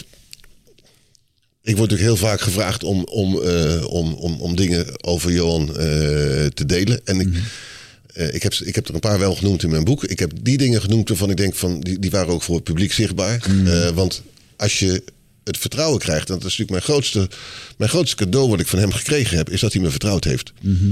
Eh, en hij kon maar heel erg weinig mensen in, het, in, in de wereld vertrouwen. En er hebben ook heel, weinig, heel veel mensen hebben van zijn vertrouwen misbruik proberen te maken. Tot, tot, tot, tot na zijn dood, eh, zal ik maar zeggen. Oh ja. Ehm, en ik was een van de personen die hij blind vertrouwde. Eh, en daarmee heeft hij mij ook toegelaten in zijn, in zijn binnenwereld, eh, in zijn keuken, in zijn, in, bij, bij zijn gezin, in, zijn, in, zijn, in zijn buitenhuis. Dus dat koester ik als een, als een heel groot goed. En de ervaringen die daarbij horen, koester ik dus ook als een geheim. Ja. Dat zijn geheimen tussen, tussen hem en mij. Dat vind ik ook wel mooi. En die, die delen we weer als we elkaar, eh, als we elkaar, als we elkaar zien. Ehm wacht eventjes. Ik vond dit ook al een hele waardevolle afsluiter. Ja, Dus nou ja. Er gaat geen dag voorbij ehm, dat ik niet aan hem denk. En er is geen dag geweest die wij samen hebben beleefd. Dat ik met hem heb willen ruilen. Ik vond het fijn dat hij Johan Cruijff was en dat ik Rutger Kopend ben. En dat ik hem mocht adviseren met alles wat ik in me had. Ehm, goed en fout. Ik bedoel, ik heb ook best wel foute adviezen gegeven. Maar wel vanuit een goed hart, met een goede, goede intentie. Ehm, en daar hebben we ook nooit ruzie over gehad. En dat, dat was gewoon, dat was gewoon een, een, een, een heel bijzonder samen zijn. En als ik aan mijn tijd met Johan Cruijff denk... bij ieder boek wat ik over hem lees... iedere film, documentaire die ik over hem zie... denk ik elke keer, dat is een andere Johan. Dat is helemaal niet mijn Johan. Het is helemaal niet de Johan die ik in mijn, in mijn hart heb, eh, heb, eh, heb zitten. En... ehm, dus, dus, dus het grootste goed en mijn, mijn grootste dankbaarheid is dat ik. ik bedoel, ik keek als klein jongetje, toen keek ik naar die jongen op. Eh, toen was, hij, was ik acht en hij was 19. En toen deed hij allerlei domme dingen als winkeltjes openen terwijl hij op de training had moeten zijn. Dan had hij weer ruzie met die, dan had hij weer ruzie met die jongens. Eindeloos veel uh, mal het al de toestanden. En toen dacht ik van, goh, jij hebt gewoon papa nodig als adviseur. Mijn vader was adviseur, dat kon hij hartstikke goed. En ik gunde Johan zo dat mijn vader hem ooit een keer eh, zou, gaan, eh, zou gaan adviseren met al zijn, eh, met zijn wijsheid. En dat ben ik dus geworden. Ah, te gek. En, en ik beschrijf het ook in mijn boek. Toen ik wegging bij ING, toen was hij al klant bij ons. En bij de ING hadden ze gedacht van ja, het is misschien wel goed als we daar een directeur tegenaan plakken. Want als die man straks iets tegen ING krijgt en hij schrijft het in een column, dan kan het ontzettend publicitair ontploffen. Dan moeten we heel snel een directeur hebben die dat, die dat weer een beetje recht kan, eh, kan, eh, kan breiden. Dus ik was eigenlijk al een beetje Johan zijn, zijn zaakgelasterde, zijn accountmanager, eh, toen, hij, toen hij een rekening had bij de, bij de ING. Kan ik ook uren over vertellen, zou ik niet doen. Maar toen ging hij dus weg. En toen ik wegging, toen had ik eigenlijk op twee momenten had ik het moeilijk om dat te vertellen. Eh, punt 1 aan de kinderen. Eh, dus we zaten met de kinderen met z'n tweetjes en drie kindjes, 12, 10, 9 tegenover ons. En zeiden, ja, papa, mama moet iets vertellen. En het eerste van de kinderen zeiden, jullie gaan toch niet scheiden, hè? Ik zei, nee, nee, nee, pap- pap- papa gaat weg bij de ING. Even over relativiteit gesproken. Ja, ja, ja, ja, ja. Even over relativiteit gesproken. Dus de tweede aan wie ik het moest vertellen ehm, was Johan. Dus ik belde op, s morgens om tien uur, want dat, was ongeveer zijn, zijn ritme. Hè. Hij st- stond nooit heel vroeg op en dan ging hij ontbijten. En dan rond tien uur was hij belbaar of belde hij mij. Dus, dus ik moest rond tien uur, moest ik altijd, dat slot moest ik altijd even vrij houden, want dan kon er contact zijn. Dus ik bel hem. En ik zeg, joh, met Rutger, ik moet je iets zeggen. Wat dan? Ik zeg, ik ga weg bij de ING. En toen bleef het best wel een tijdje stil aan de andere kant van de lijn. En toen zei hij, maar toch niet bij mij, hè? Dat is te gek. Ja. Mooi. Ja, Dat is wel een mooie warme herinnering. nou, dat viel me er net al op dat het volgens mij meer was als een zakelijke betrekking. Want, eh, Ik heb in die jaren, en dat gun ik iedereen gewoon heel erg. Kijk, bij mij was het toevallig Johan Cruijff. Vanaf het moment dat ik hem als klant kreeg, was de verheerlijking over. Dus het was niet meer mijn held. Het is niet meer mijn held. Tegen helden kijk je op. Eh, dit, was een, dit was een oprechte verbinding. Ik wilde hem echt oprecht helpen met alles wat ik, eh, wat ik in me had. Dat heeft me dingen gebracht. Heeft me ook dingen gekost. Daar heb ik net over verteld. Doet er allemaal niet toe. Maar ik gun jullie, iedereen die kijkt en luistert, gun ik dat je iets doet waarmee je je echt verbonden voelt. Dat je denkt van jongens, no matter what, maar dit is gewoon goed. Dit hoor ik te doen. Ja, dit, gek. is, dit staat op mijn lijstje. Dit, dit hoort in mijn boekje thuis. Wat dat dan ook is. Ja, Ja, waar je echt, echt compleet bij gedreven eh, voelt. Dat zijn relaties die gaan ook over carrières heen. Ik heb dat ook. Er zijn een paar mensen die ik in mijn carrière ben tegengekomen. En daar heb ik tot heden ten dagen contact mee. En daar heb ik gesprekken mee die ik niet met normale mensen, eh, zeg maar, waar ik zakelijke interactie mee heb, eh, voer. Gewoon ehm kindred spirits of zo. Weet je, wel, je komt elkaar Ja. tegen en je kent elkaar van hey. Ja. Dat, dat heb ik altijd met Wiggert ook. Weet je, het, soort Maar ook dingen, die je, ook dingen die je doet. Dat je denkt van ja, maar ik kan dit toevallig. En ik, ik, wat je, of je er nou voor betaalt of niet voor betaalt. En wat je er nou van vindt. Mm. Ik doe dit gewoon. Ik, ik wil dit gewoon in mijn leven gedaan hebben. Mm. Ja. Ik zou mezelf ongelooflijk voor mijn hoofd slaan. Als ik straks op mijn sterfbed lig en denk van ja, die kans kwam voorbij en die heb ik niet genomen. Ja. Ik had heerlijk rustig bij de ING kunnen blijven. Ik had tien hele rustige, ik geloof hele beroerde jaren gehad. Want nou ja, dan had ik midden in deze discussie gezeten eh, met mijn directeurspositie en ga ze doen. Maar ik had het waarschijnlijk gewoon nog wel een tijdje kunnen uitzingen. Maar ik had niet al die mooie hoogtepunten en al die vreselijke dieptepunten meegemaakt die bij de afgelopen tien jaar zijn overkomen. En die horen wel bij het leven. Dus die gun ik iedereen ook heel erg. ik heb me helemaal niet gerealiseerd. En dan schaam ik me om als ik het achteraf zeg. Maar toen ik dus wegging, was onze oudste zoon 12. En onze, onze middelste was 10, de jongste was 9. Ik heb me helemaal niet gerealiseerd dat dat zou betekenen dat ik hun middelbare schooltijd van heel nabij zou meemaken. Ja. Dat is geweldig geweest. Dus ik ben helemaal niet zo'n spijtpapa die, die straks met kleinkindertjes goed, goed maken wat hij met zijn eigen kinderen niet heeft uh, gedaan. ja, ja. Spijtpapa. Maar ik gelukkig, hè, en ik zie heel veel jongere vaders gelukkig wel die goede keuze maken. Want ik heb het op de lagere school van de kinderen niet goed gedaan. Want toen zat ik bij de ING. Maar vanaf het moment dat ik weg was bij de ING heb ik veel meer daaraan kunnen, daaraan kunnen doen. En mijn vrouw heeft toen ook de, de, de, de rol gepakt van ja, maar wacht eens even. Als jij nu flexibel wordt in je agenda, dan ga ik de carrière uh, doen. Nu ga ik ervoor. Dus die is in haar beroep interim manager. Is ze voor allerlei interessante klussen is, uh, is ze gegaan. Heeft gezegd van nou, als ik om zeven uur s morgens weg ga en ik kom om zeven uur s'avonds thuis. Dan zorg jij s morgens dat de kinderen naar school zijn. En dan zorg jij s'avonds maar dat het uh, eten op tafel staat. Ja, dus we hebben die rollen gewisseld. Ik ben nu 27 jaar met haar getrouwd gelukkig. Ik weet niet of dat anders nog wel het geval was geweest. Ja. Want het geeft je huwelijk ook een hele dimensie. Ja. Hele nieuwe dimensie. En het, ik schaam me echt als ik dat zeg en dat herhaal ik.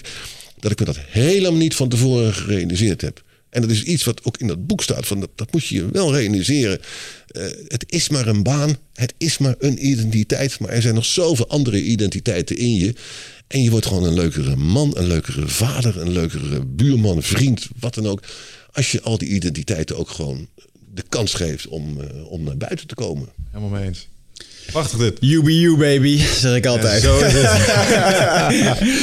Dames en heren, dat was weer een. Dankjewel voor je komst. Jouw boek is uh, Eigen Baas, uh, Rutger Koopmans. Je kan het vinden op bol.com, op de website, denk ik. En, uh, dankjewel. Leven en werken in vrijheid. Ja. Dank, dankjewel voor je komst. Graag gedaan, dankjewel. Tot de volgende keer. Ciao.